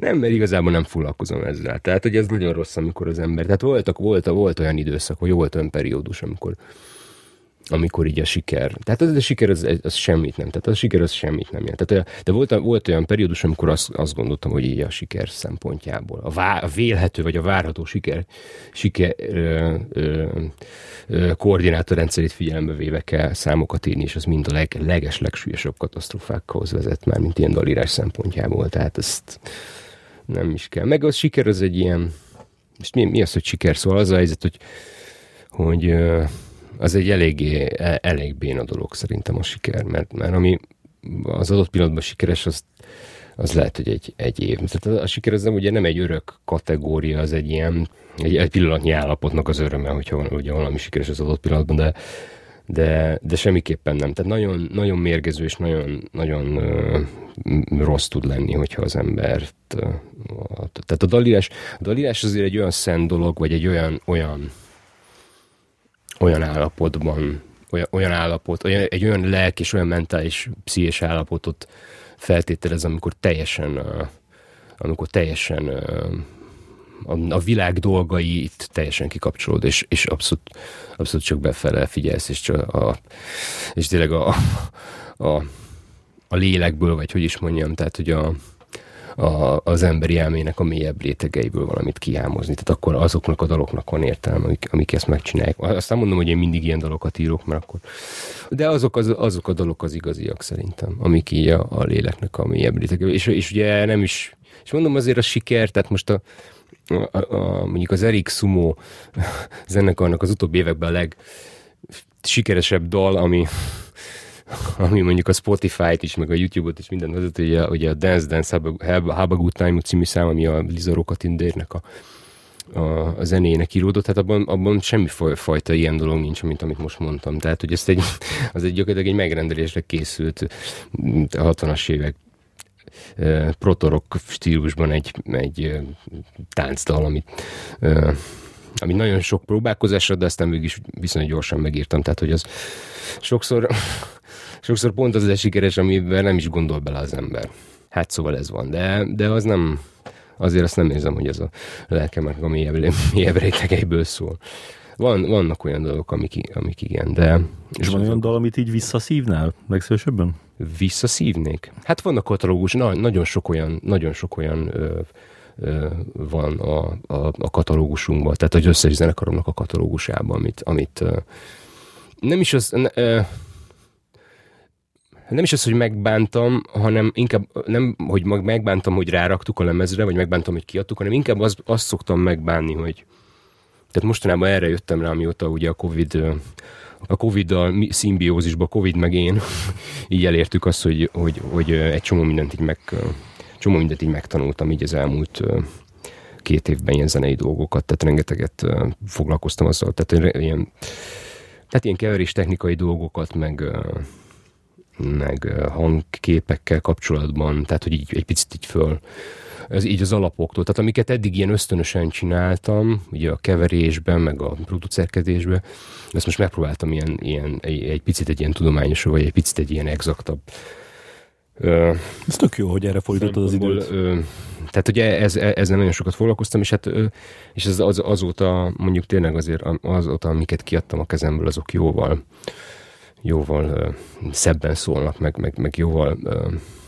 tehát, hogy egészen más, egészen más, hogy máshogy állok Valahogy egy, egy, egyfajta alaposságot, vagy egy, egyfajta, tehát azt, azt tanultam meg most az elmúlt két, két évben, hogy, hogy, mi, hogy mindennek a teljesen a végére kell járni. Tehát, hogy, hogy ugye nagyon sokszor szokott az lenni, hogy ez a, ez a fújra magyar popéret, amiről beszélgettünk, hogy, hogy, hogy ez, ez, a, ez a, ez a, ez a, ez a igen, tehát nagyon, nagyon fura ez a magyar popzenei piac, de hogy, hogy ebbe a magyar popzenei piacban azért még az is van, hogy azért van mindig azért, azért illik valami, illik azért megmutatnod magad, és valami új dologgal előjönni ahhoz, hogy, ahhoz, hogy ezért hogy a közönségnek az érdeklődését fenntartsd, és ugye ebbe van egy ilyen fajta ilyen kényszeresség is, hogy, hogy valahogy azért két-három évente mindenképpen egy, egy, egy újabb albummal elő kell állni, amivel nincs is semmi gond, hiszen mondjuk folyamatosan vannak dalötletek, csak egyszerűen az, tehát abba hajszoltam bele magamat, nem is akarom másra kenni, meg nem akarom a körülményekre fogni, de hogy, tehát, hogy mindenképpen ebben, ebben én vagyok a hibás, de, de nagyon sokszor hajszoltam bele magam abba, hogy, hogy egy olyan dolgot adtam ki a kezemből, amiről még én is, tehát lelkem én is tudtam, hogy hát ezért ez lehetne még sokkal jobb, és ilyet már nem akarok, tehát most már inkább az van, hogy tényleg most már az van, hogy, hogy, hogy, hogy mindennek a végére akarok járni, tehát minden az utolsó szögig hogy, hogy így rendben legyenek a számok. Szóval, szóval ezt, ezt, ezt szeretném most. Most ezzel a készülő lemezemmel is egyébként, ami hogy egy nagyon ambiciózus vállalkozás, mert egy például nagyon sok nyelv, nagyon sok nyelven vannak benne énekek, meg beszédek. És, de ez és egy Erik lemez? Egy Erik lemez, igen, de és, a, és nagyképpen azt gondoltam, hogy gondoltam, hogy a, a 45. születésnapomra meglepem vele magam, ami most április 5-én volt, de hát nagyon úgy néz ki, hogy maximum a 46. születésnapomra fogom tudni meglepni vele magamat, mert, mert, mert még mindig nincsen kész. Úgyhogy, úgyhogy ez... De ezek készülnek a számok hozzá, vagy, vagy most még az kész. írás? Ö, Hát azt mondom, hogy a platóni értelemben vett dalok azok már megvannak rá, csak még a formájukat nem találták meg. És mindig albumban gondolkodsz? Hát én igen, igen. Én mindig albumban gondolkodok, mert, mert az az, ami... Mert a kislemez az nekem akkora stressz, tehát olyan, olyan fizikai stressz tüneteket okoz, amikor egy kislemezt megjelentettünk eddig mindig. Mert kitalálunk egy dalt, és aztán oké, okay, csinálunk hozzá mondjuk egy, akár egy videoklipet, nem csinálunk hozzá videoklipet, teljesen mindegy. Az a lényeg, hogy megjelenik egy szám. És az vagy jól sikerül, vagy nem. Tehát vagy eltalálunk vele valamit, vagy nem találunk el vala, vele valamit. Tehát vagy sikeres, a, a sikert most abból a szempontból is értem, hogy nem feltétlenül az, hogy mondjuk hányan nézik meg a YouTube-on, csak mondjuk nálunk a sikernek van, vagy nálam a sikernek van egy ilyen nagyon egyszerű ilyen lakmuszpapírja azzal kapcsolatban, hogy mondjuk egy belső siker, belső siker, vagy hogy is mondjam, egy ilyen, egy ilyen, igen, egy ilyen, egy ilyen, egy ilyen belső sikert, hogy, hogy tudok lemérni, hogy, hogy, hogy azt, azt szoktuk csinálni, hogy a koncerten, tehát hogy mik, mik azok a dalok, amik koncert, tehát megpróbáljuk koncert formába hozni, és mondjuk összepróbáljuk a zenekarral, és hogyha, hogyha elsőre nem adja meg magát, akkor az, akkor az nem lesz jó. Az mindig akkor derül ki? Azt hiszem, az, az már így tudod, amikor így készül a dal, hogy ez, ez, ez el lehet játszani. Nem, nem. Ez, az sokszor ugye akkor elkezdjük elpróbálni, hogy egyáltalán az, hogy ugye azok a, van egy csomó olyan egyértelmű szám, ami, ami, amivel nem kell olyan sokat szarakodni ahhoz, hogy mondjuk élőben előadható legyen. Tehát itt, itt a kislemezeknél nekem az okozza a, a, a problémát, hogy, hogy tulajdonképpen mindent egy, egy lapra raksz fel. És ez nekem nagyon-nagyon stresszes. Tehát nagyon-nagyon stresszes. Egy, egy albumnál ugye az van, hogy egy album tehát én eleve szeretem a, Hát valószínűleg azért, mert ebbe szocializálódtam, tehát valószínűleg azért, mert az albumoknak a, az érájában voltam fiatal felnőtt, meg tinédzser, meg kisgyerekként is, meg tinédzserként is, meg felnőttként is. Az albumoknak az érája alatt ö, váltunk emberré tulajdonképpen, te is, meg én is. És, és ugye azért az, hogy, hogy, hogy, hogy elmesél egy hosszabb egy hosszabb történetet, vagy, egy, vagy, vagy, vagy, vagy van egy olyan íve, amikor mondjuk elkísért téged egy, egy, egy, egy walkmanezés során egy, mondjuk egy, egy Szeged-Budapest távolságban vonaton, vagy, vagy, vagy akár, hogyha átszered Budapestet, elkísért téged, vagy akármilyen út, úton elkísért téged, ahol, ahol mondjuk van egy órád arra, hogy, arra, hogy csak a zenével foglalkozz, az egy, az egy az egy nagyon fontos dolog szerintem. Tehát, hogy az, az, az nekem egy olyan, mint mondjuk a, a, a, könyv, a, a könyvek világában a regények, amikkel mondjuk, mondjuk egy regény el vagy több hétig, vagy akár egy hónapig is. Tehát, hogy, hogy akinek van erre igénye, hogy mondjuk, hogy mondjuk el legyen egy regénye mondjuk akár egy hónapig, ugyanez, ugyanez, uh, ugyanez a, az igény van sok emberben szerintem azzal kapcsolatban, hogy egy, egy, egy lemez egy lemez elkíséri őket, nem egy hónapig, de egy órán keresztül. Én, nekem a, én a kedvenc dalaimat mindig úgy szoktam, tehát nekem amikor bekattan egy-egy szám, akkor, akkor, akkor azt szoktam csinálni, hogy mondjuk meghallgatom, mondjuk nem, nem túlzok mondjuk 50-szer egyből, és aztán meg másnap még 60-szor, tehát tehát, hogy vannak olyan számok, amikre nagyon-nagyon rá tudok kattani, de nekem, de a, a az igazi, vagy egy picit ilyen mélyebb élvezetet, és az ilyen elgondol, és, és azt, amikor jobban elgondolkozom azon, hogy vajon, valójában, valójában, valójában hogy is van ez, vagy nem tudom mi értelme egyáltalán a zenének, meg az életnek, vagy bárminek, az mindig azok a, azok a mindig az albumok adták, és, és ezért én is mindig. Tehát vannak olyan, vannak olyan uh, olyan albumok, amik nélkül a mai napig, tehát hogy van, van egy pár olyan klasszikus album, amik, amiket a mai napig óriásira tartok, és amit, amit, a mai napig üldözök bizonyos szempontból, tehát hogy így megpróbálom, megpróbálom elérni azt a, azt a komplex, sok, sok, sok dimenziós és mégis egységes világot. Tehát mondjuk például van egy, egy, egy David Bowie lemez, ami, ami nem, nem tartozik egyébként a, a, a, a kánon szerint, hogyha is mondja, a, a, a hülye újságírók szerint nem tartozik a hülye újságírók szerint nem tartozik a legjobb David Bowie lemezek közé, de számomra egy nagyon-nagyon fontos lemez az Outside című lemez, ami egy ilyen ami egy, ugye a 90-es évekből, ez még a, a, a, a híres drum and lemeze előtt jelent meg a Bowie-nak, és a, vagy után? Hát nem tudom, valahol azon a környéken. És egy, egy, ilyen, egy ilyen nagyon nagyon szürreális, ilyen cyberpunk világban játszódó ilyen krimi, krimi történet van beleszőve tulajdonképpen a dalokba, és a, és a CD-nek a, a, a, a búkletjébe is ugye lehet lapozgatni a, lehet ezekből a, ebből a történetből, ami nincsen teljesen kész, hanem ilyen töredékek vannak belőle, és valahogy így olvasgatod a történetet, ami bele van írva a bukletbe, és hallgatod közben a számokat, és akkor valahogy össze lehet rakni valamilyen olyan egy kicsit, mint egy ilyen, mint egy ilyen uh, Lego, egy ilyen Lego játék, vagy egy ilyen nyomozós játék egy picit.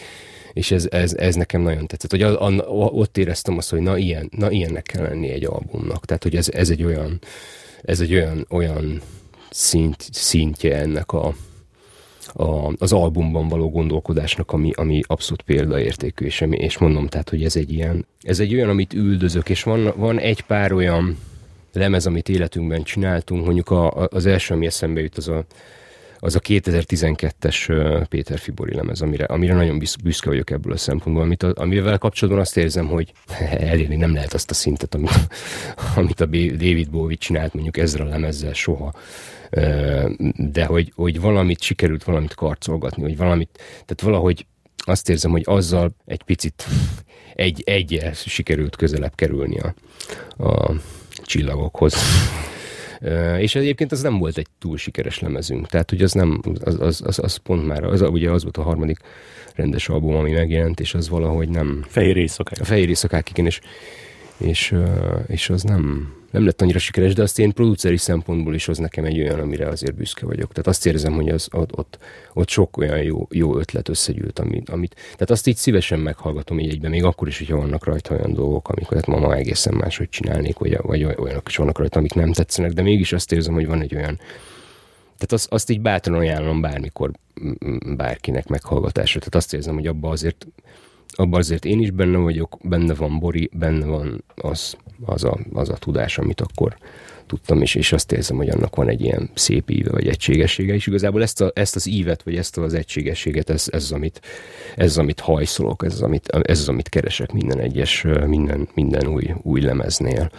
Érdekes, hogy azt mondtad először, hogy ha jól értettem, hogy, hogy, a, hogy a, egy, egy dallal meg lehet bukni, de egy albummal nem lehet megbukni. Hát, ö, meg lehet bukni egy albummal is, csak, csak ugye sokkal kevesebb, én ezt csak a stresszt mondom, tehát ugye sokkal kevesebb a stressz akkor, hogyha egy csokrot adsz át egy, egy, egy, hogy is mondjam, na, tehát hogy, hogy vannak, ez most hülye, hülye hasonlat volt, tehát, tehát az hogy ugye van egy portfóliót, na. Igen. Tehát, hogyha van nálad mogyoros csoki, fehér csoki, zselés töltelékes csoki, mandulás nugátos csoki és cukormentes csoki, és elviszed valahova, ahol szeretik a csokit, akkor nagyobb az esélyed, hogy olyat találnak belőle, ami aztán tényleg amire aztán tényleg azt mondják, hogy na ez finom. De hogyha csak egy, egy vadászszeletet viszel el, vagy egy izét, vagy egy sportszeletet, akkor, akkor nem biztos, hogy az fog ízleni. Tehát én például utálom mind a kettőt.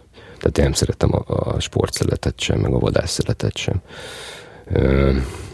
Viszont, hogyha sokfajta csokit viszel, akkor nagyobb az esély arra, hogy nagyobb az esély arra, nem hogy valami befürödni. Hát én, én, nagyjából ezt, tehát, hogy, uh-huh. hogy, hogy ott, ott, mindig, ott, ott mindig elengedem, ott mindig, mindig arra gondolok, és igazából lesz, ugye, lehet, hogy ez a tapasztalatból is ered valahogy, valahogy mindig az volt, hogy én, én azért azért világéletemben, tehát azért tehát mondjuk például az első amorf lemez, ami a, a, ami a rendesen megjelent amorf lemezeknek a sorában az első, ugye Betyár Holdon, az is olyan volt, hogy azért volt ott minden, tehát hogy az, ez jó, jó nagy ö, utólag azért zavarosnak is tűnő katyvaszos sokféle lemez volt, tehát volt ott a magyar nóta, meg house, meg mit tudom én, milyen dolgok, és és, és valahogy azt érzem, hogy azért mindenkinek, az, például arról az lemezről az volt a visszajelzés, hogy mindenkinek, egy, mindenkinek más volt a kedvenc száma így az ismerősi körünkből. Teljesen más. Hogy, hogy azt érzem, és ez, ez, ez valószínűleg ugye ez, ez, ez volt az a, ugye a, a fiatal, fiatal felnő, vagy 20 éves koromnak az első ilyen, ilyen, ilyen fontos lemeze is, és, és akkor megtanultam azt, hogy igen, nem, nem, nem, nem, nem az a lényeg, hogy egy, a, ezek a sláger számok, vagy mit tudom. Az, hogy mi lesz sláger, vagy mi lesz sikeres, azt úgyis úgy se tudja az ember. Soha.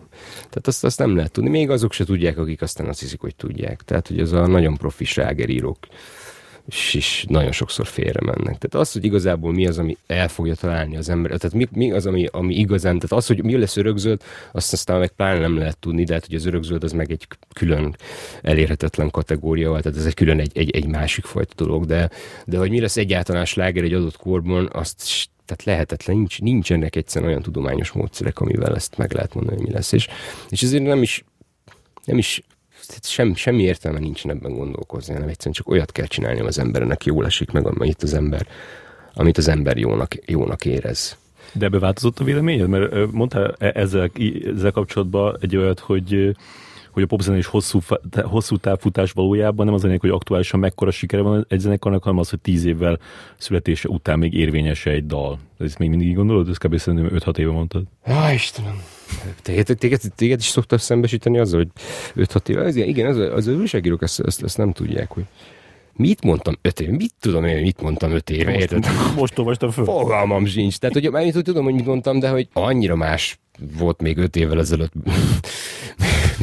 minden. Igen, tehát igen, valahogy igen, tehát az, akik, ez, ez nagyon gyakori, hogy így, így szembesítik az embert az, hogy mit, mond, mit mondtam, és hát Mond, mond az ember egymásnak ellentmondó dolgokat egyébként, akár egy mondatban, és ezt én is felvállalom a mai napig. De hogy a, de szerintem ez nem egy nagy megfejtés, tehát ugye inkább erről az itt eszembe, hogy e, tehát ez, ez az inkább egy közhely, hogy, hogy hát az, az a, igen, ami tíz év múlva is még számon tartanak az emberek, az a... a is meg tudok képzelni, hogy egy időben ezt gondoltad, és most pedig már azt gondolod, hogy, hogy, hogy inkább az a lényeg, hogy, hogy, hogy, hogy, az é, hogy érzés legyen benne, és hogy az, ami éppen jön belőled, az, hát, az De hát benne. ez a két dolog, ez, ez szerintem független egymástól. Tehát az, hogy nekem milyen érzés egy számot megcsinálni, az független attól, hogy az embereknek milyen érzés meghallgatni. Szóval, szóval ezek a dolgok, ezek ezek együtt léteznek. Tehát ugye az van, hogy én megcsinálok valamit, ami, ami nekem jó érzést ad, amire, amiért én rajongok, hát ugye másként nem érdemes zenét csinálni, csak hogy te magad, téged magad is megmozgat, és minden, mindenedet megmozgatja, és azt mondod, azt mondod rá, hogy na, ez fasza. És az, hogy az emberek hogy értékelik ezt a dolgot, az meg, egy, az meg egy olyan dolog, amit igazából nem nagyon tudsz kontrollálni, és tíz év távlata az meg csak annyi, hogy igen, tíz év távlata az annyi, hogy a tíz év alatt mondjuk mi az, ami változik? Hát kicserélődnek mondjuk a streaming platformok, egy új streaming platformon, hogyha tíz év múlva megnézed, hogy mi lesz mondjuk a, a, egyáltalán a számon tartott dal az én dalaim közül, akkor biztos egész más, mint ami, mint ami ma látszik. De Engem több az lepett meg, hogy, hogy megnéztem, hogy a, az amorföldögöket mennyien hallgatják még havonta a Spotify-on, és Igen. több mint 7000-en. Hát ez nagyon jó. Hát ezt nem, ezt nem tudom, én ezt nem, nem szoktam nézeket. Hát most gondolod, 7000 ember egy, egy hónapban. Igen, hát hogy azok mind eljöttek volna Budapest Parkba, amikor koncerteztünk, akkor jobban jártunk volna, mint, mint ami lett. Nagyon sokszor jönnek ide ezzel, ezzel igen, hogy, hogy, hogy, hogy, hogy mi, van, mi van az Amorföld, hogy miért nem koncerteztek már. Hát annyi, annyira jó volt, az annyira szerettük, és akkor mindig mondjuk azt, hogy igen, hát akkor basz meg, miért nem jöttetek el akkor, az, akkor a Budapest Parkban, amikor a nagy reunión koncertünk volt, mit tudom én, nem tudom mikor. Mert volt egy 2010. ilyen, ami, hát volt egy. Ami nem volt annyira teltházas? Hát teltházas azt nem is gondoltam, hogy teltházas lesz, de Budapest Park azért, tehát ott 9000 ember fér be konkrétan mondjuk az a, az a mondjuk a négyszeres annak, amit általában szoktunk tudni ott zenekarokkal, vagy akkor még háromszorosa. De hát ki nagyon kevesen voltak ezen az Amorföldök koncerten, de ettől függetlenül nem volt egy rossz hangulatú koncert, tehát hogy így jó volt, meg így megértem, meg, meg, meg, meg tényleg tehát szeretjük ezeket a dalokat, tehát hogy jó volt, meg vicces volt, meg jól éreztük magunkat, csak csak nem volt akkor a felhajtás a dolog körül, mint, amit, mint amire így számítottunk. Szóval azért az Amorföldök azért korán sem, tehát mondjuk a Heaven Street 7-nek a, a, a, a, a sikere, a, a visszajövő Heaven Street Seven zenekarnak a sikere, és az, hogy mennyien voltak az ő koncertjükön, az mondjuk sokkal tehát, hogy én ezt gondoltam volna, hogy, hogy, hogy, hogy, hogy az ilyen lesz, és mondjuk az Amorf ördög sose volt az a... Tehát nem, nem voltak igazából ilyen popslágereink, na. Tehát, hogy van a fapozott, fapados űrutazás, ami elég, elég ilyen bizarr, ilyen diszkó, diszkó szám, vagy ilyen furcsa, szét, szétszabdalt diszkó szám, de azon kívül igazából az, ami uh, tehát nem voltak ilyen slágereink, na, tehát nem voltak, hanem ilyen ilyen furcsa, furcsa, érdekes számaink voltak, amit volt, az a, volt, aki szeretett, de hogy nem, nem volt az a, tehát nem törtük át igazából sose a, a, a, az, ismer, a, az országos ismertségnek a falát azért mi az amorföldőkkel. Még a nincsen a világon szebb, mint a Cici című számmal sem. Pedig ott megpróbáltátok azért. Igen. Ott megtettétek a magatokét. Igen. Említetted a hülye újságírókat, és arról eszembe jutott, hogy... Nem csak az újságírók hülyék valójában Feri, hanem a, a zenészek azok sokkal hülyebbek. Na most maradjunk kicsit az újságíróknál. Volt egy időszak, amikor, amikor elmentél a Kvarthoz főszerkesztőnek. Emlékszel erre? Emlékszem, igen. Általában szoktam azért emlékezni. Azért. Egy-két évig tartó dolgokra. Hogy egyrészt abból milyen tanulságokat vontál le, és egyáltalán mi, mi tartasz most arról, hogy így zenéről írni, vagy így zenéről így szavakban így megpróbálni valamit mondani? Ez, ez ugye 2006-ban volt, a legfontosabb ebbe az egészben az az, hogy a, a világunknak a formája, meg az internetnek a formája azért egészen más volt a Facebook előtti világban, amikor még a, az ilyen hagyományos ilyen zenei weboldalaknak úgy tűnt, hogy van némi létjogosultság, akár, akár Magyarországon is, tehát hogy akkor még én szerintem joggal gondolhattuk azt, hogy, vagy joggal gondolhattam én is azt, hogy, hogy, hogy, hogy ennek lesz valami relevanciája, hogyha végig lesz egy jó magyar, magyar nyelvű webes zenéről szóló újság. És igazából egy barátságon, vagy egy barátságból kezdődött, hogy a Nádori Péter, akivel pont itt a Tilos Rádióban ismerkedtem meg, ő kért fel arra, vagy ő, neki az ötlete volt, hogy ő, ő szívesen csinálna egy ilyet, és, és akkor engem azért voltam főszerkesztő, én voltam az egyetlen a, a, alkalmazott a cégbe, hogy, hogy mondjam, de én voltam az egyetlen ö, ember, aki dolgozott vele, és ezért ö, lettem én a főszerkesztő. Tehát ez, ez, ez, ez, a főszerkesztő titulus azért az innen származik, tehát egyébként nem de nem nagyon volt mit főszerkeszteni saját magamon kívül. És a fő tanúság az meg az volt nekem nagyon gyorsan, az nagyon gyorsan ki, ki táncoltam belőle, vagy kifordultam belőle, ugyanis azzal találtam szembe magam, hogy, hogy a, a, azért a magyar zenei élet az olyan picike, és annyira, annyira ismeri egymást mindenki, hogy, és, és azért, és, és nem csak az, hogy ismeri egymást mindenki, hanem a, a, hanem a kapcsolatok is, az emberi kapcsolatok nagyon-nagyon fontosak, és nagyon-nagyon fontos az, hogy a, a, a, a szakmán belül legyen egyfajta összetartás, és ugye ezzel, e, ezzel egyáltalán nem fért össze az, hogy mondjuk én, saját magam, vagy akár az én főszerkesztői felhatóságom alatt, akár mások, akiket, mert, mert voltak azért ilyen külsős írók, akik írtak cikkeket, tehát hogy, hogy, hogy bármilyen történik, hogy mondjuk valakit megbántunk egy, egy, egy, egy, egy rossz, egy rossz zenei kritikával, vagy olyan zenei kritikával, ami, ami egy aktuális albumot, egy magyar nyelvű albumot rossz, rossz pontokkal értékel. Tehát, hogy, hogy, hogy konkrétan voltak ilyen, ilyen vagy kaptam olyan, olyan e-maileket, amik, amik, amik arról szóltak, hogy, hogy, hogy, hogy, hogy, ez, hogy ez, ez nem oké ez a dolog. És, és akkor egy picit próbáltam ezt így helyre tenni magamban, meg prób- picit próbáltam ezen gondolkozni, hogy ez hogy is lehetne még jobban. És aztán rájöttem, hogy sehogy. Tehát, tehát hogyha én benne vagyok, tehát nem, azt nem lehet, hogy, hogy valamit, valamit csinálsz is, és, és írsz is róla. Tehát, hogy ez, ez, ez, ez lehetetlen. Tehát, vagy, vagy kritikus vagy, tehát vagy megmondod, vagy megmondod, hogy mi van, vagy pedig csinálod, tehát egyszerűen nem, le, nem lehet, és szerintem ez mindenfajta tevékenységre. Igen. Tehát ez nem csak a zenére, nem csak a zenével kapcsolatban van így, hanem a, az egy más dolog, hogyha mondjuk a Tarantino felsorolja, mik azok a filmek, amik tetszettek neki, vagy nem tetszettek neki, és arról, arról egy ilyen, egy ilyen tarantinos őrjöngést az ember végighallgat a YouTube-on, ami, ami roppant szórakoztató, és nagyon tanulságos. És... Most jött egy négy órás éppen. Tényleg? Ahol az idei felfedeze, felfedezettjeit. Jaj, de jó, na hát ezt meg fogom nézni, én nagyon szeretem a, nagyon szeretem a, a annyira intenzív az a csávó, hogy ez, hogy, hogy bármilyen, bármilyen mit mond, tehát már egy időben már annyi, ilyen, ilyen mániákus kényszeresen, kényszeresen kerestem a, a YouTube-on a Tarantinónak az akár félperces megnyilatkozásait, mert annyira, annyira most indítanak egy podcastot a Roger Averivel, és azt, azt csinálják, hogy, mert oda Tarantino, amikor ő a TK-ba ö, dolgozott, akkor az a TK bezárt egy idő után, Igen. ő megvette az egész készletet, aha, aha. berendezte otthon alkásába, hogy ugyanúgy nézzen ki, tehát vannak termek, amik ugyanúgy néznek ki, mint a, a régi TK, ahol dolgozott, és most akkor a, a Roger Averivel, akivel együtt írták a ponyvaregényt, be, leülnek, megnéznek VHS-en filmeket, és arról fognak beszélni. Csak az láttam, amikor egy valamilyen valamilyen híres showműsorban azt a feladatot adták neki, ugye a, a borító szöveg alapján, amit felolvastak, a VHS kazettákról találja ki, hogy olyan mi lehet. És az eléggé megbukott, én, úgy, én úgy értékeltem azt. Hát volt egy pár, amit, volt egy pár, amit nem tudott, de... Csodálkoztam, hogy azt engedte, hogy kimenjen, mert ahhoz képest nem szerepelt olyan jól rajta.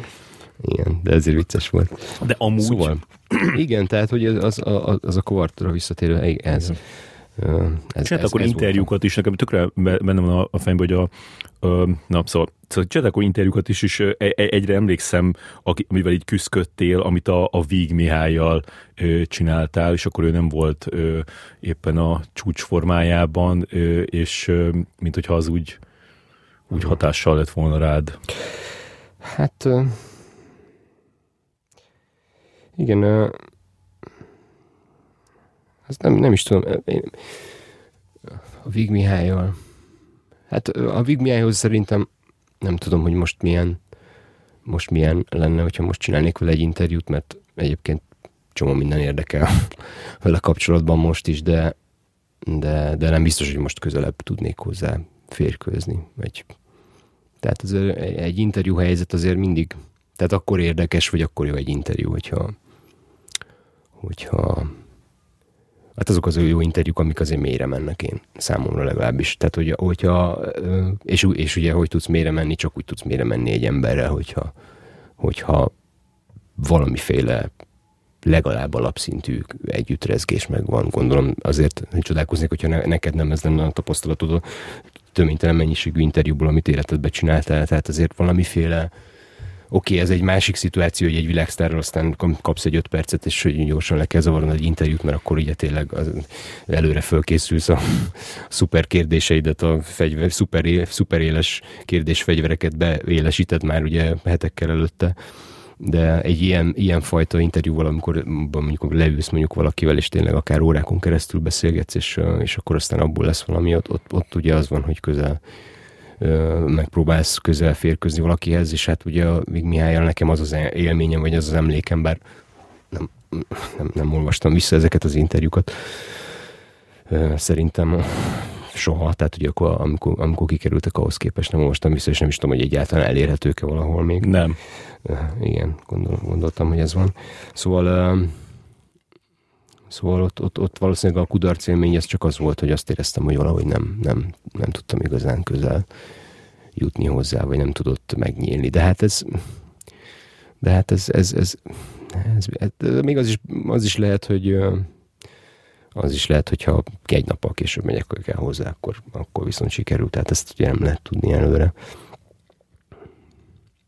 az interjú részekkel nem volt gond. Tehát, hogy ilyen fajta interjús, tehát hogyha egy olyan oldalt csináltunk volna, ahol csak interjúk vannak, akkor azt szívesen folytattam volna, mert abban nincsen semmi fajta Ugye a, a, az lemezkritikát, most már ugye maga a lemezkritika műfaj az egy ilyen, az egy ilyen, az egy ilyen, hát egy ilyen túlhaladó dolog lett igazából a mai világban, azt gondolom. Tehát én, én, még, én még egy 5 évvel ezelőtt még kérdezgettem Rónai Andrást, hogy, hogy, hogy miért nincsenek lemezkritikák ugye magyar lemezekkel kapcsolatban, és azt mondta, hogy azért, mert nincs, aki megírja őket, nincs, aki kifizesse az újságírót, aki megírja, és nincs, aki elolvassa. És ez tényleg a, a, a Facebook a világában, vagy a, vagy a social média által vezérelt média világban lett így, hogy, hogy tulajdonképpen tulajdonképpen a, a, a lemezkritikáknak az, a helyét azt átvették a, a, a, a személyes ajánlások, meg a megosztások. Tehát, hogyha neked tetszik egy lemez, akkor te ezt szépen élő szóban, vagy cseten, vagy valahogy megírod a barátaidnak, és átküldöd, és aztán ők azt fogják hallgatni. Tehát nincsen már olyan fajta ilyen megmondásra, vagy iránymutatásra, mint amit, mint amit, mint amit a, mondjuk a lemezkritikáknak a, klasszikus korszakában mondjuk a New Musical Expressből vagy a Melody Makerből lehetett tájékozódni. Még emlékszem arra, hogy a, még a British Councilnak a, a könyvtárába jártam, hogy ezeket olvasgassam, ezeket a, ezeket a, a ezeket a kiadványokat azzal kapcsolatban, mert hát az eleve, eleve az ugye föl is hívta, tehát ugye azért is olvastuk ezeket, mert hát az ugye nem csak az, hogy nem, nem csak az volt benne az érdekes, hogy egy adott lemezről mit írnak, hanem egy, egyáltalán azok a zenék, amik benne voltak, azokat annak a nagy részét nem ismertem, és ezáltal megismerettem új zenekarokat. Tehát ugye ez is volt, és most már most már az van, hogy az algoritmus az algoritmus az, az mondja meg neked a, a mesterséges intelligenciák a, a jövőből. Szerintem akkor még az is benne van, amiről a, a pont a Dorosmai Gergővel beszéltünk, aki, aki ő, ő kicsit így visszasírta ezt a, főleg a lehúzó kritikákat, és hogy ez már, ez már amiatt sem lehet, mert hogy valahogy mindenki a, bármi, bármi olyanra, ami megjelenik a zenéjéről, arra már promócióként tekint. Tehát, hogy, hogy ez nekem is egy ilyen, egy ilyen ráeszmélés volt, amikor így elkezdtem ilyen zenei dolgokkal foglalkozni, hogy amíg a, amíg a film, filmeknél ott még úgy elviselik az emberek, hogy na írnak egy rossz kritikát a filmemről, nem tetszett valakinek, oké, okay, ez, ez benne van a pakliba, de zenénél egyszerűen így ledöbbennek az emberek, hogyha nem, nem, nem csak azt, azt rakott ki, ami, amit ők már leokéztak, vagy szeretnék látni elő, előre a kritikát, meg ilyenek, szóval ilyen, ilyen, ilyen ez, ez, hogy, ez, hogy így valami, valami nem csak százszerzékosan pozitív vélemény megfogalmazzál egy ilyen zenei, magyar zenei termékről, az, azt nagyon furcsán veszik a Igen. Én, én, én, pont azért, én mondom, hogy én pont azért lehet, hogy egy, egy ilyen mazoista korszakomban voltam, de pont, az, pont azért kérdeztem ezt, hogy tettem fel ezt a kérdést egy jó pár évvel ezelőtt Róni Andrásnak. Róni András a, a, a rekorderben is, ugye van még veletek is, ugye? Persze. A rekorderben meg a meg az Artisius-nak a, a, a papír, papír alapú kiadványában is dolgozott sokáig, vagy dolgozik. Dalszerző. A dalszerzőben. És, és neki egy kicsit azzal az élel is tettem fel ezt a kérdést, vagy az volt bele csomagolva ebbe a kérdésbe, hogy, hogy igazából valójában az én zenéimmel kapcsolatban, vagy a mi albumainkkal kapcsolatban is azt éreztem, hogy akár, már, akár egy olyat is, amit szétszed, és egy, akár egy olyat is, ami felhívja a, a, a, a gyenge pontokra a figyelmet, nagyon, nagyon nagy örömmel olvastam volna. De, de erre ez igazából ez nincs, nincs már, tehát ez megszűnt ez a műfaj, tehát nincs, nincs már ez. ez ez nincs, minden nincs, számban van hat er, er, magyar kritika. Tudom, tudom persze, hogy, hogy, hogy nálatok van, de hát, hogy te egy, egy ilyen egy ilyen őskövület vagytok ebből a szempontból. Tehát, hogy egy olyan hagyományt folytattok, ami most már nem élő hagyomány, és ugye ennek a, tehát pont az, a, pont az, az érdekes ugye a rekorderben, hogy, hogy, hogy ilyen fajta dolgok még vannak benne, ugye máshol már nincs. Igen, olyan de, hagyomány, ami soha de, nem honosodott meg igazából. Igen, de hogy de hogy, és az a durva egyébként abban, vagy ez az érdekes abban, amit mondtál, hogy igen, a, az, tehát promóció egy, egy, egy zenekarnak, hogyha megjelenik egy ilyen, egy ilyen írás. De az a durva, hogy a, hogy a, a kiadványnak is, tehát ez fordítva is így van, és én akkor jöttem rá, hogy semmi értelme a, a, a a, a mostani valóságban sem értem a lemezkritikának, mint műfajnak, amikor rájöttem arra, hogy olvastam erről egy cikket, hogy a Pitchforkon, ami a időben a 2000-es években a leges, leg, az egyik legfontosabb ö, ilyen zenei tájékozódási fórum volt a, mondjuk azoknak a zenéknek a világából, mondjuk amiket én szerettem, tehát az ilyen indie rock, kísérletezés, elektronikus zene, stb. Tehát ezek, ezek a dolgok, ezekben a dolgokban egy nagyon komoly iránymutató volt ugye ez a Chibi Pitchfork, ami egy chicagói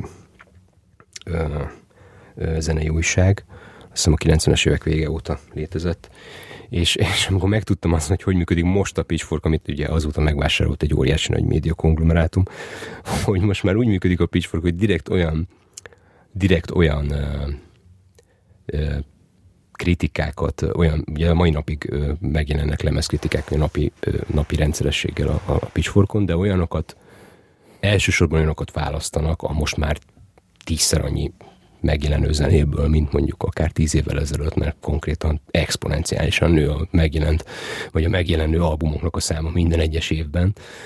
Olyanokat választanak, amikről tudják azt, hogy a social media felületükön az adott zenekar meg fogja osztani, és azért nekik hoz ismertséget. Tehát teljesen, az, az abszolút, ez, ebben benne van a teljesen beteg teljesen fordított gondolkodásnak. Tehát az, azért raknak, még, még akkor is, hogyha, tehát, és ez független, ez is független attól, hogy most éppen jót vagy rosszat ír az adott zenekarról. Tehát az azért, hogy csak hogy megosszák az emberek. Igen. Azért, hogy megosszák az emberek, és ezért ugye hozzon kattintás, és ezáltal ugye reklámbevételt a Pitchforknak ezeket a, ezeket a kritikákat ö, rakják mm, fontosabb helyekre, mondjuk az oldalon. Tehát ezek az a kritikák az elérhetőbbek, meg ezek, ezekre fektetnek hangsúlyt, hogy, hogy, hogy a visszakapjanak ebből valamit. De hát ez, ez teljesen beteg, teljesen igen, fura, igen. fura és hülye. Hát ez a, ez a de ez már a... hozzáállás, hogy, hogy ö, olyat kell írni, amit meg fognak ők is osztani. Tehát hogy az a, az a cél, hogy hogy aztán, hogy... Ez, ez már teljesen egy ilyen, egy ilyen gazdasági, hogy ez egy ilyen, ilyen reklám reklám optimalizálás, vagy nem tudom, tehát hogy ez egy ilyen, ennek mi köze van az MS kritikhez, semmi, semmi köze nincsen igazából ahhoz, hogy valójában mi van oda leírva. Szóval ez, ez az fura. Igen, hát ez egyszerűen ez a műfaj, ez, ez, ez megszűnt, és akkor az van, hogy van az algoritmus, ami dobálja, ami mögött azért az algoritmusban azért emberi input is biztos, hogy van, tehát azért én biztos vagyok benne, hogy a, a, például van az a Discovery Weekly nevű ilyen playlist, amit mindenki megkap a Spotify-tól minden áldott héten, és ott én azért azt érzem, hogy persze oké, okay, algoritmus, de azért biztos, van egy, biztos vannak ilyen kurátorok, vagy biztos van valami emberi tényező is, akik kiválasztják. Én nagyon jókat szoktam ott találni egyébként. Tehát nekem volt, van egy pár ilyen nagy felfedezésem az utóbbi időből, amik, amiket onnan amiket onnan lőttem és, és ez egy jó, szerintem ez egy jó forrás az új zenéknek a megismerésére, ami ugye a meglévő ízlésed, vagy a meglévő választásaid, vagy meglévő saját elmentett playlistjeid alapján ajánl ugye, mm. új zenéket. De mit szoktál olvasni? Hogyha zenéről olvasol, akkor mi az, ami még érdekel? Semmit nem szoktam olvasni, nagyon szoros szemem, úgyhogy az olvasás, az, az olvasás helyét átvette a, a videójáték játszás az életemben.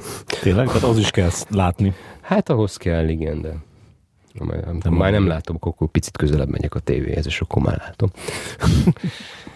nem, hát azt szoktam elolvasni, amit, amit nagyon muszáj, tehát hogy így az olvasás. Megmondom szintén az olvasás, hogy egy picit így visszaszorult az életemben az elmúlt években, de, de nem, nem, de hogyha, hogyha olvasok valamit, akkor inkább ilyen, tehát hogy valami, valamiért, valamiért az ilyen inkább az ilyen eszészerű dolgok azok, amik, ami, amik érdekelnek. Tehát az ilyen egy pár ezer karakteres, mit tudom én, kritika, vagy 2000, 2000 karakteres kritika az annyira nem. Valahogy nem, annyira az összes tartalom ilyen az interneten, hogy valahogy ettől egy el, el, elfordultam, vagy nem, nem annyira. Mm. Tehát azok, azok, azok, azok, hogyha inkább ilyen tehát, hogyha találok egy olyat, ami most nem jut eszembe konkrét példa, de hogyha találok egy olyat, ami egy picit egy ilyen mélyebb, nem tudom, esztétikai szempontból egy megfejtés, vagy valami elemzés, vagy ilyesmi, akkor azt szívesen olvasom, de egyébként konkrét több lemezekről nagyon nem, nem, nem szoktam. És megnézsz ezt a, ezt a Beatles dokumentumfilmet? Nem néztem meg, nem néztem meg, de lehet, hogy meg fogom nézni. A Velvet Underground-ot sem néztem meg? Azt sem néztem meg. Nem a Ronsonos dokumentumfilmet, nem a, ezt a legújabbat, hanem még egy előzőt néztem meg, ami egy zenei témájú dokumentumfilm, de, de valójában azért hogy a zenei dokumentumfilmekben, hát igen, én nekem, én nekem az a metalikás, tehát nekem az a metalikás, annál jobban még nem láttam. Az, az, az szerintem az, az, az, az, az rohadt jó. Ugye ez is az elég régi, az ilyen 2003-as, azt hiszem, vagy valami ilyesmi. Ez a Some Kind of Monster, az, az, az szerintem, tehát annál jobbat még nem, tehát hogy nem, ez, ez a Beatles-es is lehet, hogy jó, de, de az, az abba, abba, abba tényleg, tehát hogy az, az, az nagyon ütős. Tehát annak ellenére, hogy marhára nem vagyok Metallica rajongó, sőt, nem, nem. Egy-két számon kívül teljesen semmit mondó nekem a, a Metallica, tudom én, tehát én ebben a stílusban nem, nem mélyedtem el, meg nem fontos nekem egyáltalán, de mégis az, az tehát az egy ilyen ez egy ilyen, tehát a, a, mindig, tehát hogy ez egy, hogy tulajdonképpen egy katasztrófa film, csak zenekar, zenekarokra. Igen, tehát egy olyan helyzetbe futottak bele, Igen, ami... Tehát az olyan, mint hogy a pokoli torony, csak csak, csak egy, egy zenekari próbateremben játszódik. tulajdonképpen. És a, és a azt hiszem, hogy a Bandinak, amikor a, amikor a Kispál, Kispál zenekarnak voltak az első válságai, akkor, akkor azt Lovasinak akkor azt, azt, azt megvettem neki. Úgy emlékszem, akkor odaadtam neki, hogy ezt nézze meg, és azt úgy emlékszem, hogy tetszett is neki. Mert, mert az pont ugye erről szól, hogy egy ilyen szét, szét, szét teljesen szétesőbe levő zenekar. Ráadásul egy, ugye úgy kezdődik, egy ilyen tök vidámon kezdődik, hogy na, akkor most forgatunk egy nagyobb vidám dokumentumfilmet arról, hogy hogy készül a következő lemez. Oké, srácok, jó, szuper, és egy nappal később a következő jelenetben fogja magát a basszusgitáros, és azt mondja, hogy elegem van az egészben, menjetek a picsába. A, követ, a következő utáni napon pedig a James Hetfield, aki a zenekarnak az énekese, bejelenti, hogy tulajdonképpen ő, neki elege van mindenből, és most akkor elmegy elvonóra, és kurvára nem tudja, hogy mikor fog visszajönni. és akkor ott áll, ott marad a, másik gitáros, meg a Lársulik, és így néznek, hogy mi a tököm történt, most akkor, ezt, most, most akkor mi van, van zenekar, vagy nincs, vagy mi, mi, mi történt, mi ez az egész? És hát ugye innen indul a, a, az egész sztori, ami szerintem, egy nagyon, szerintem ez egy nagyon jó dolog. De érdekelnek ezek is, meg a Velvet Underground is érdekel, mert, mert, mert a Velvet Underground is azért egy, egy olyan, amiről... Szóval biztos azért abból a korszakból még azért nehéz olyan, és gondolom azért minden követ megmozgat, vagy azt képzelem egy ilyen Velvet Undergroundos dokumentumfilm, hogy minden, minden követ megmozgattak annak érdekében, hogy valami érdekes felvételek, vagy régi felvételeket bányászanak elő, meg ilyesmi, mert hogy ugye a, a nem is tudom egyébként, hogy a tagok közül ki az, aki ki, ki, ki az, aki él még a, a Velvet Undergroundból? Ugye a Lurid meghalt, a Nico meghalt. De John Cale szerintem John Cale él, él még? Uh-huh. És ki volt még a Maureen Tucker, aki a... a aki szerintem meghalt. Ő, ő, is. ő is már meghalt, ugye? Igen.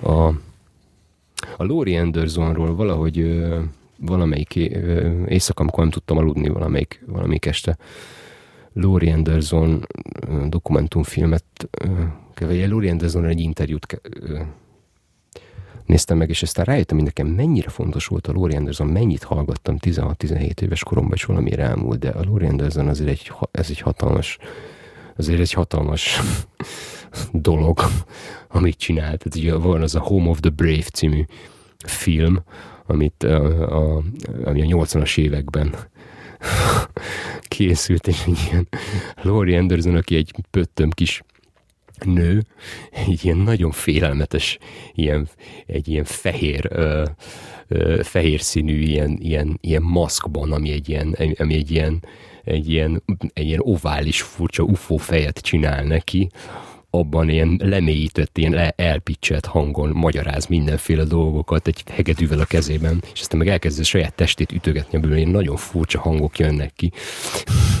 és ez az a koncertnek a bevezetése nagyon, az nagyon, nagyon érdekes ez az egész. Ugye, mert ugye a, a, csak onnan jutott eszembe, hogy ugye a Laurie Anderson is ugye nem csak a Lou Reed révén, hanem valahogy abba az egész uh, uh, tehát ez az egész ilyen, ilyen New York, ilyen avantgárd art rock mozgalom azért ott abban a Laurie Anderson is benne volt. Olvastam egy, életemben az egyik legérdekesebb könyv, amit olvastam a zenéről, az egy amerikai újságírónak a, a, a, a munkája, ami arról szólt, hogy a 70-es évek elejétől, tehát kb. mondjuk egy 73-tól 74-től nagyjából a 80-as évek elejéig milyen dolgok történtek New Yorkban.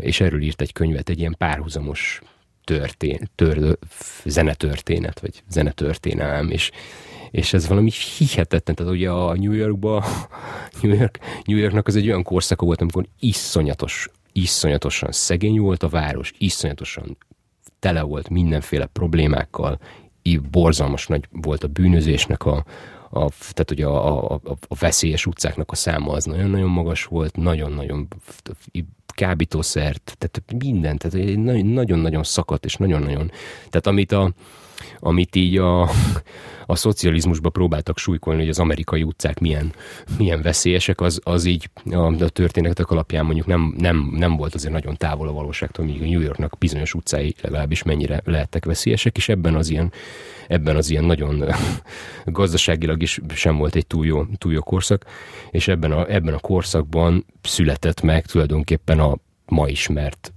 zenei stílusoknak egy nagyon nagy része. Tehát akkor ugye a punk, a punk zenének azért, tehát ugye a punk zene, tehát inkább Angliához szokták kötni, de tulajdonképpen a, a, a az ilyen protopunk, vagy hogy is mondjam, a punk előtti, meg, a, meg, meg az amerikai kvázi punk, tehát a Ramones és, és egyebek, ugye a, a CBGB-ben, az, azok is ugye ott, akkor a Talking Heads, ami szintén ugye ugyanabból az alomból nőtt li, akkor a diszkó zene, tehát ugye egyáltalán diszkó zene hogy alakult ki. A, az ezzel párhuzamosan ugye a, a spanyol ajkú lakosságnak a zenéje, ugye szalza, meg ilyesmik, és aztán két kerülettel odébb meg a a gettó bömböltető hip-hopnak a, az első szárny próbálgatásai milyenek voltak, akkor, mell, akkor mell, és, és még azok is, az is benne van ebben a könyvben, hogy a... Milyenek a címe? A, ezt meg fogom neked nézni, hogy milyennek a címe, mert nem jut eszembe valami, nem egyszerű címe van, hanem ilyen kicsit ilyen hosszasabb, vagy ilyen nehézkesebb címe van, de egy nagyon érdekes könyv. Hm. És a, ugye még az is benne van, amit ugye nem nagyon szoktunk a hagyományos értelemben popzenéhez venni, de hogy a, ezek a minimalista zeneszerzők, tehát a Steve Reich, Philip Glass, az első koncertje, azok is, ugye ők is azért egy, egyből, egyből nagyon népszerűek lettek, tehát ez egy nagyon új, újfajta dolog volt, amit a kvázi kortás komoly zenébe ők, ők belevittek. És a ezek az arcok, ugye Laurie Andersonról is van egy pici szó, tehát ugye van erről a, ennek az árt, árt rock mozgalomnak a folytatás. Ez, ez nagyon-nagyon érdekes, és olyan, olyan tényleg olyan fura, hogy, hogy egy, egy városban, ugyanegyben a városban, oké, okay, hogy egy, egy, egy óriási metropolis, de, de akkor is, hogy, hogy ezek mind egy városból, egy, egy egy pontjáról a földről származnak ezek a dolgok, és a mai napig ezek a dolgok, ennek, ezeknek a dolgoknak egy nagy része formálja a mai könnyű zenét is. Tehát mondjuk például a hip-hop nem fura, hogy a hip-hop az, az most már kvázi 50 év múlva, de köszöni nem csak, hogy jól van, hanem szinte a, a, a könnyűzenének a legfontosabb, a legfontosabb pontja lett, vagy a legfontosabb stílusa a mai, mai zenei palettának.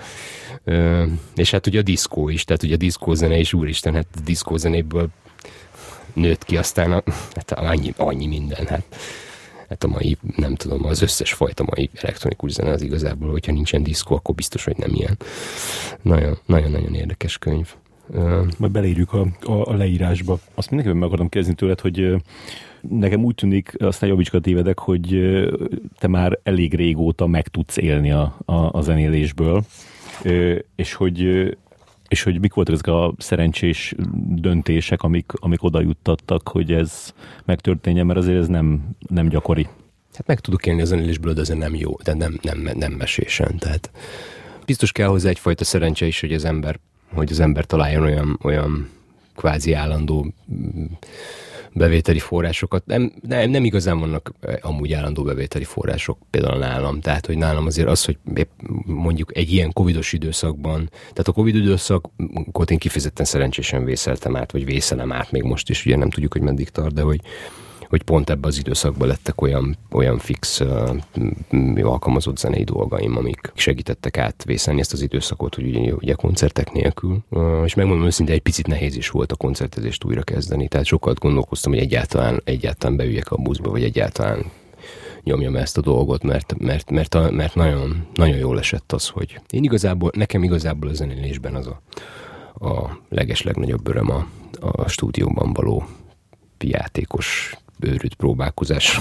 próbálkozásoknak a folyamata vagy sorozata, az az, ami a legjobban, az az, ami a legjobban ö, vonz, és igazából így, így is kezdődött nálam, tehát ugye az Amorföldőknél a, a, az első időszak az arról az volt, még mielőtt az első hivatalos lemezünket megjelentettük volna, arról szólt, hogy, hogy kísérletezgettünk a stúdióba, és nekem a mai napig ez, ez, ez adja a legnagyobb örömet a zenélésben, nem pedig az élő. Az élő előadás az egy ilyen következménye lett a, annak, hogy csináltunk lemezeket.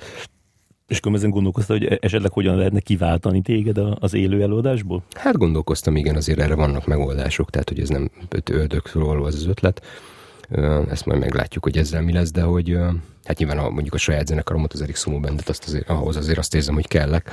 Ott nem, ott nem érzem azt, hogy egy ilyen, egy ilyen mesterséges intelligencia hologrammal kell majd engem kiváltani. Egy ilyen szinti program, az lehet, hogy nem tudja átvenni.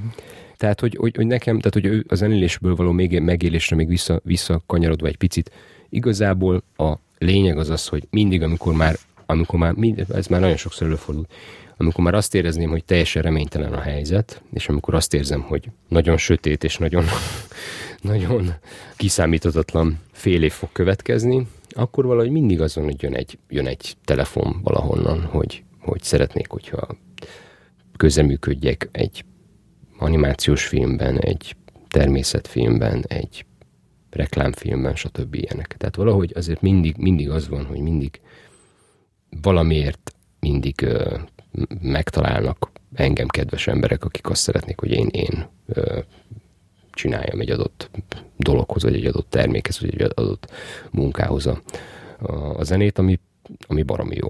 Ö, igazából a, a, az isteni szerencsén és az, és az isteni gondviselésen kívül annyira, annyira ö, bár nem vagyok vallásos, de, de, még, de, de ilyen, szem, ilyen szem tekintetben vallásos vagyok, azt, azt írtam talán máskor is, hogy, hogy, hogy a, a lemeznek, ezeknek a befejezésével kapcsolatban ugyanezt érzem, hogy, hogy ott is valami, tehát hogy, hogy, hogy a, a, a transzcendentális dolgokba vetett hit nélkül nem, nem, nem, nem, nem mennek ezek. Tehát, hogyha az ember elhiszi magáról, hogy, hogy, hogy, hogy ez így, így menni fog, a, a, az, az, az is jó, de, de ezen kívül még, még azért én szoktam segítséget kapni. Tehát valahogy olyan fajta segítséget, amik ilyen. Nem, nem akarom ezt túl misztifikálni ezt a dolgot, csak pont, pont azokban a, azokon a pontokon, amikor, amikor nagyon nehéz a helyzet, akkor, akkor mindig szokott jönni. Vagy egy pici, pici átutalás az Artisius-tól, ami lehet, hogy csak 60 ezer forint, de, de akkor is egy, egy olyan érzés, vagy egy olyan jelzés, hogy ugye az Artisius-tól, ezt, ezt csak azért mondom, hogy a, a, akik nem ismerik ezt a dolgot, tehát az Artisius az a, a magyar szerzői jogvédő szervezet, akik begyűjtik a és aztán, és aztán kiosztják a jogdíjakat, amik a zenészeknek járta, járnak, tehát begyűjtik a rádióktól, a tévéktől, meg az összes olyan szolgáltatótól, ahol, ahol ugye élőzene van, és, és aztán visszaosztják, és ugye ennek a rendszer ez nem teljesen kiszámítható, tehát nem egy fizetést kapunk az Artisius-tól, hanem ugye bizonyos jogdíj típusoknak megfelelően az évnek a különböző részeiben ki, ki, ki, kiosztásokat, vagy, vagy, vagy jogdíj felosztásokat kapunk és, és ebből a szempontból vannak ilyenek, hogy néha kapunk olyan pénzeket, amire nem is számítunk, és akkor olyan pici pénz, akkor ez így nem is az a pénznek a, a mennyisége miatt, hanem, hanem inkább azért, hogy na, akkor a még, még erre is számíthatok, úgyhogy, hmm. úgyhogy mégiscsak érdemes ezt csinálni, de egyébként meg, hogyha nem nem működik ez a dolog így hosszú távon, akkor majd lesz egy rendes civil foglalkozásom, aztán kész. Tehát, hogy... Tényleg? Hát igen, ezt így nehéz elképzelni, meg nekem is, de hogy hát nyilván az van, hogyha, hogyha nem lesz más, akkor... De az elmúlt 15 évben, amióta eljöttél a kvarttól, nem volt, ugye? Nem, nem, nem, nem, nem, nem volt rá szükség. Nem volt rá szükség igazából. De most nem főleg beindultak ezek az alkalmazott, tehát a, a, a film, néztem, hogy, hogy két természetfilm is volt, a vadlovak, meg a fehér szarvas, akkor volt a becsúszó szerelem, és a akkor most meg csoda. A vadlovas filmben csak egy, egy vége főcímzenét írtam, de igen, egyébként a természetfilmes dolog az, az a az, az, az, volt, az volt a leg, leg, legérdekesebb munka, amit életemben csináltam. És valahogy azt érzem egyébként, hogy az, az a természetfilmes munka az, ami a leg, leginkább az, az, azt szerintem az ment a legkönnyebben talán. Abból a szempontból, hogy valahogy az arra nagyon jól rá tudtam hangolódni. Ugye egy, egy, egy fikciós filmnél ugye a, egy fikciós filmnél a zeneszerzőnek a dolga mindig, a, hát minden filmnél nyilván más, de a, azért nagy részt ugye valahogy segít, segíteni, láthatatlanul segíteni kell a rendezőt, meg, a, meg az ötletet, meg az egész a sztorinak az előre menetelét olyan eszközökkel, amik nem is feltétlenül tűnnek fel az emberekkel, tehát egyfajta ilyen ilyen láthatatlan pszichológiai munka. A zeneszerzőnek a munkája sokszor a, a klasszikus ilyen aláfestő zenélésben, ugye egy filmzenében nem csak a fő téma van, amit mondjuk lehet, hogy fölismernek az emberek, vagy, vagy meg, megmarad bennünk, hanem az a, az a, azok a láthatatlan, vagy nem feltétlenül feltűnő zenék, amik, amik a jelenetek alatt vannak, és ugye ott sokszor az van, hogy ugye egy, egy mesterségesen kitalált jelenethez kell valami olyan segítséget adnom, hogy tényleg el lehessen hinni azt, hogy annak a színésznek, amit mond, az tényleg úgy van. Yeah. Még akkor is, hogyha a nyers jelenetből látom, hogy én, én aztán marhára nem hiszem el neki, amit mond, mert látszik, hogy, hogy öt perccel ezelőtt tanultam meg, és valahogy nem tudja olyan átéléssel elmondani, ahogy, ahogy kellene. Tehát ugye az egyfajta a, a fikciós filmekben való munka, az egyfajta tehát ott, ott az, az össze kell tákolni valami. össze kell tákolni ezt a dolgot, hogy, hogy, hogy működjön.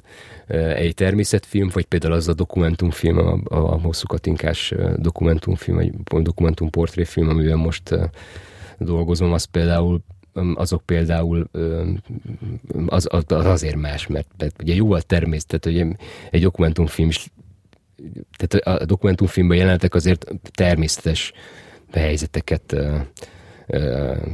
jelenítenek meg. Tehát, tehát olyan, olyan helyzeteket, amiben nincsen kitaláltalán, vagy nincs benne olyan fajta erőltetés, vagy olyan fajta szándék, mint egy, mint egy, ugye egy fikciós filmbe, egy, egy, egy, egy konkrét, egy fikciós filmbe egy konkrét szándékai kerül be egy jelenet, aminek egy funkciója van az egész szempontjából. Egy dokumentumfilm is sokszor már egyre inkább a dokumentumfilmek ö, ilyen nagyon tudatosan építkeznek, vagy nagyon tudatosan rakják össze a, a, az építőkockákat azért, hogy valami hasonló módon mesélni egy történetet, mint egy fikciós film, de hát azért mégis az építőkockák önmagukban azért a valóságból erednek és azért itt könnyebb dolgom van. Tehát valahogy azt érzem, hogy a, a, valóságnak a, a, a, a leírására, vagy a valóságnak az aláfestésére, akár mondjuk zenei nem valóságos, elem, nem, nem valóságos, vagy mágikus elemekkel, az, az, az valahogy jobban, jobban megy nekem, vagy könnyebbnek érzem, de de nem riadok meg semmifajta feladattól. Tehát, hogy nekem, én nagyon szeretem a, a sokféle,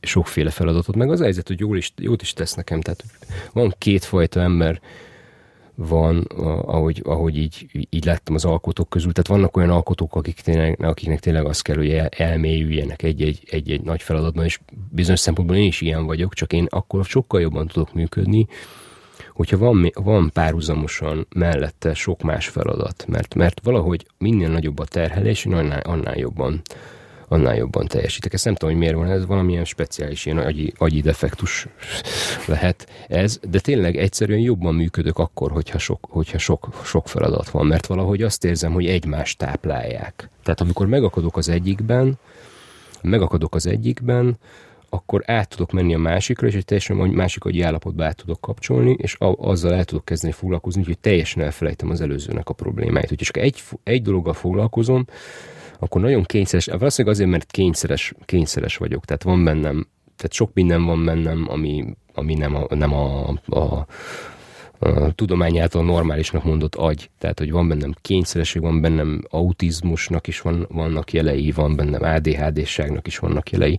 És ugye ezek, ezek miatt valahogy, amikor, amikor elkezdem a, tehát amikor csak egy feladat van előttem, akkor az abban nagyon abban nagyon bele tudok feledkezni, és nagyon részletekbe bele tudok, bele tudok őrülni. Ha vannak még más dolgok is, akkor, akkor, akkor, akkor kap egy kicsi, kis levegőt minden, minden, minden egyes külön dolog, amivel foglalkozom, kap egy kis levegőt, vagy kap egy picit, picit levegőzhet azáltal, hogy, hogy átkapcsolom, átkapcsolok egy másikra, mondjuk egy másnap, mondjuk egy másik fajta munkát kell befejeznem és akkor, akkor lesz egy kis távolság, vagy lesz egy kis egy, egy jobb perspektíva a, a munkákra. Nagy Éven Podcast a Nemzeti Kulturális Alap hangfoglaló könnyű zene támogató program támogatásával jött létre.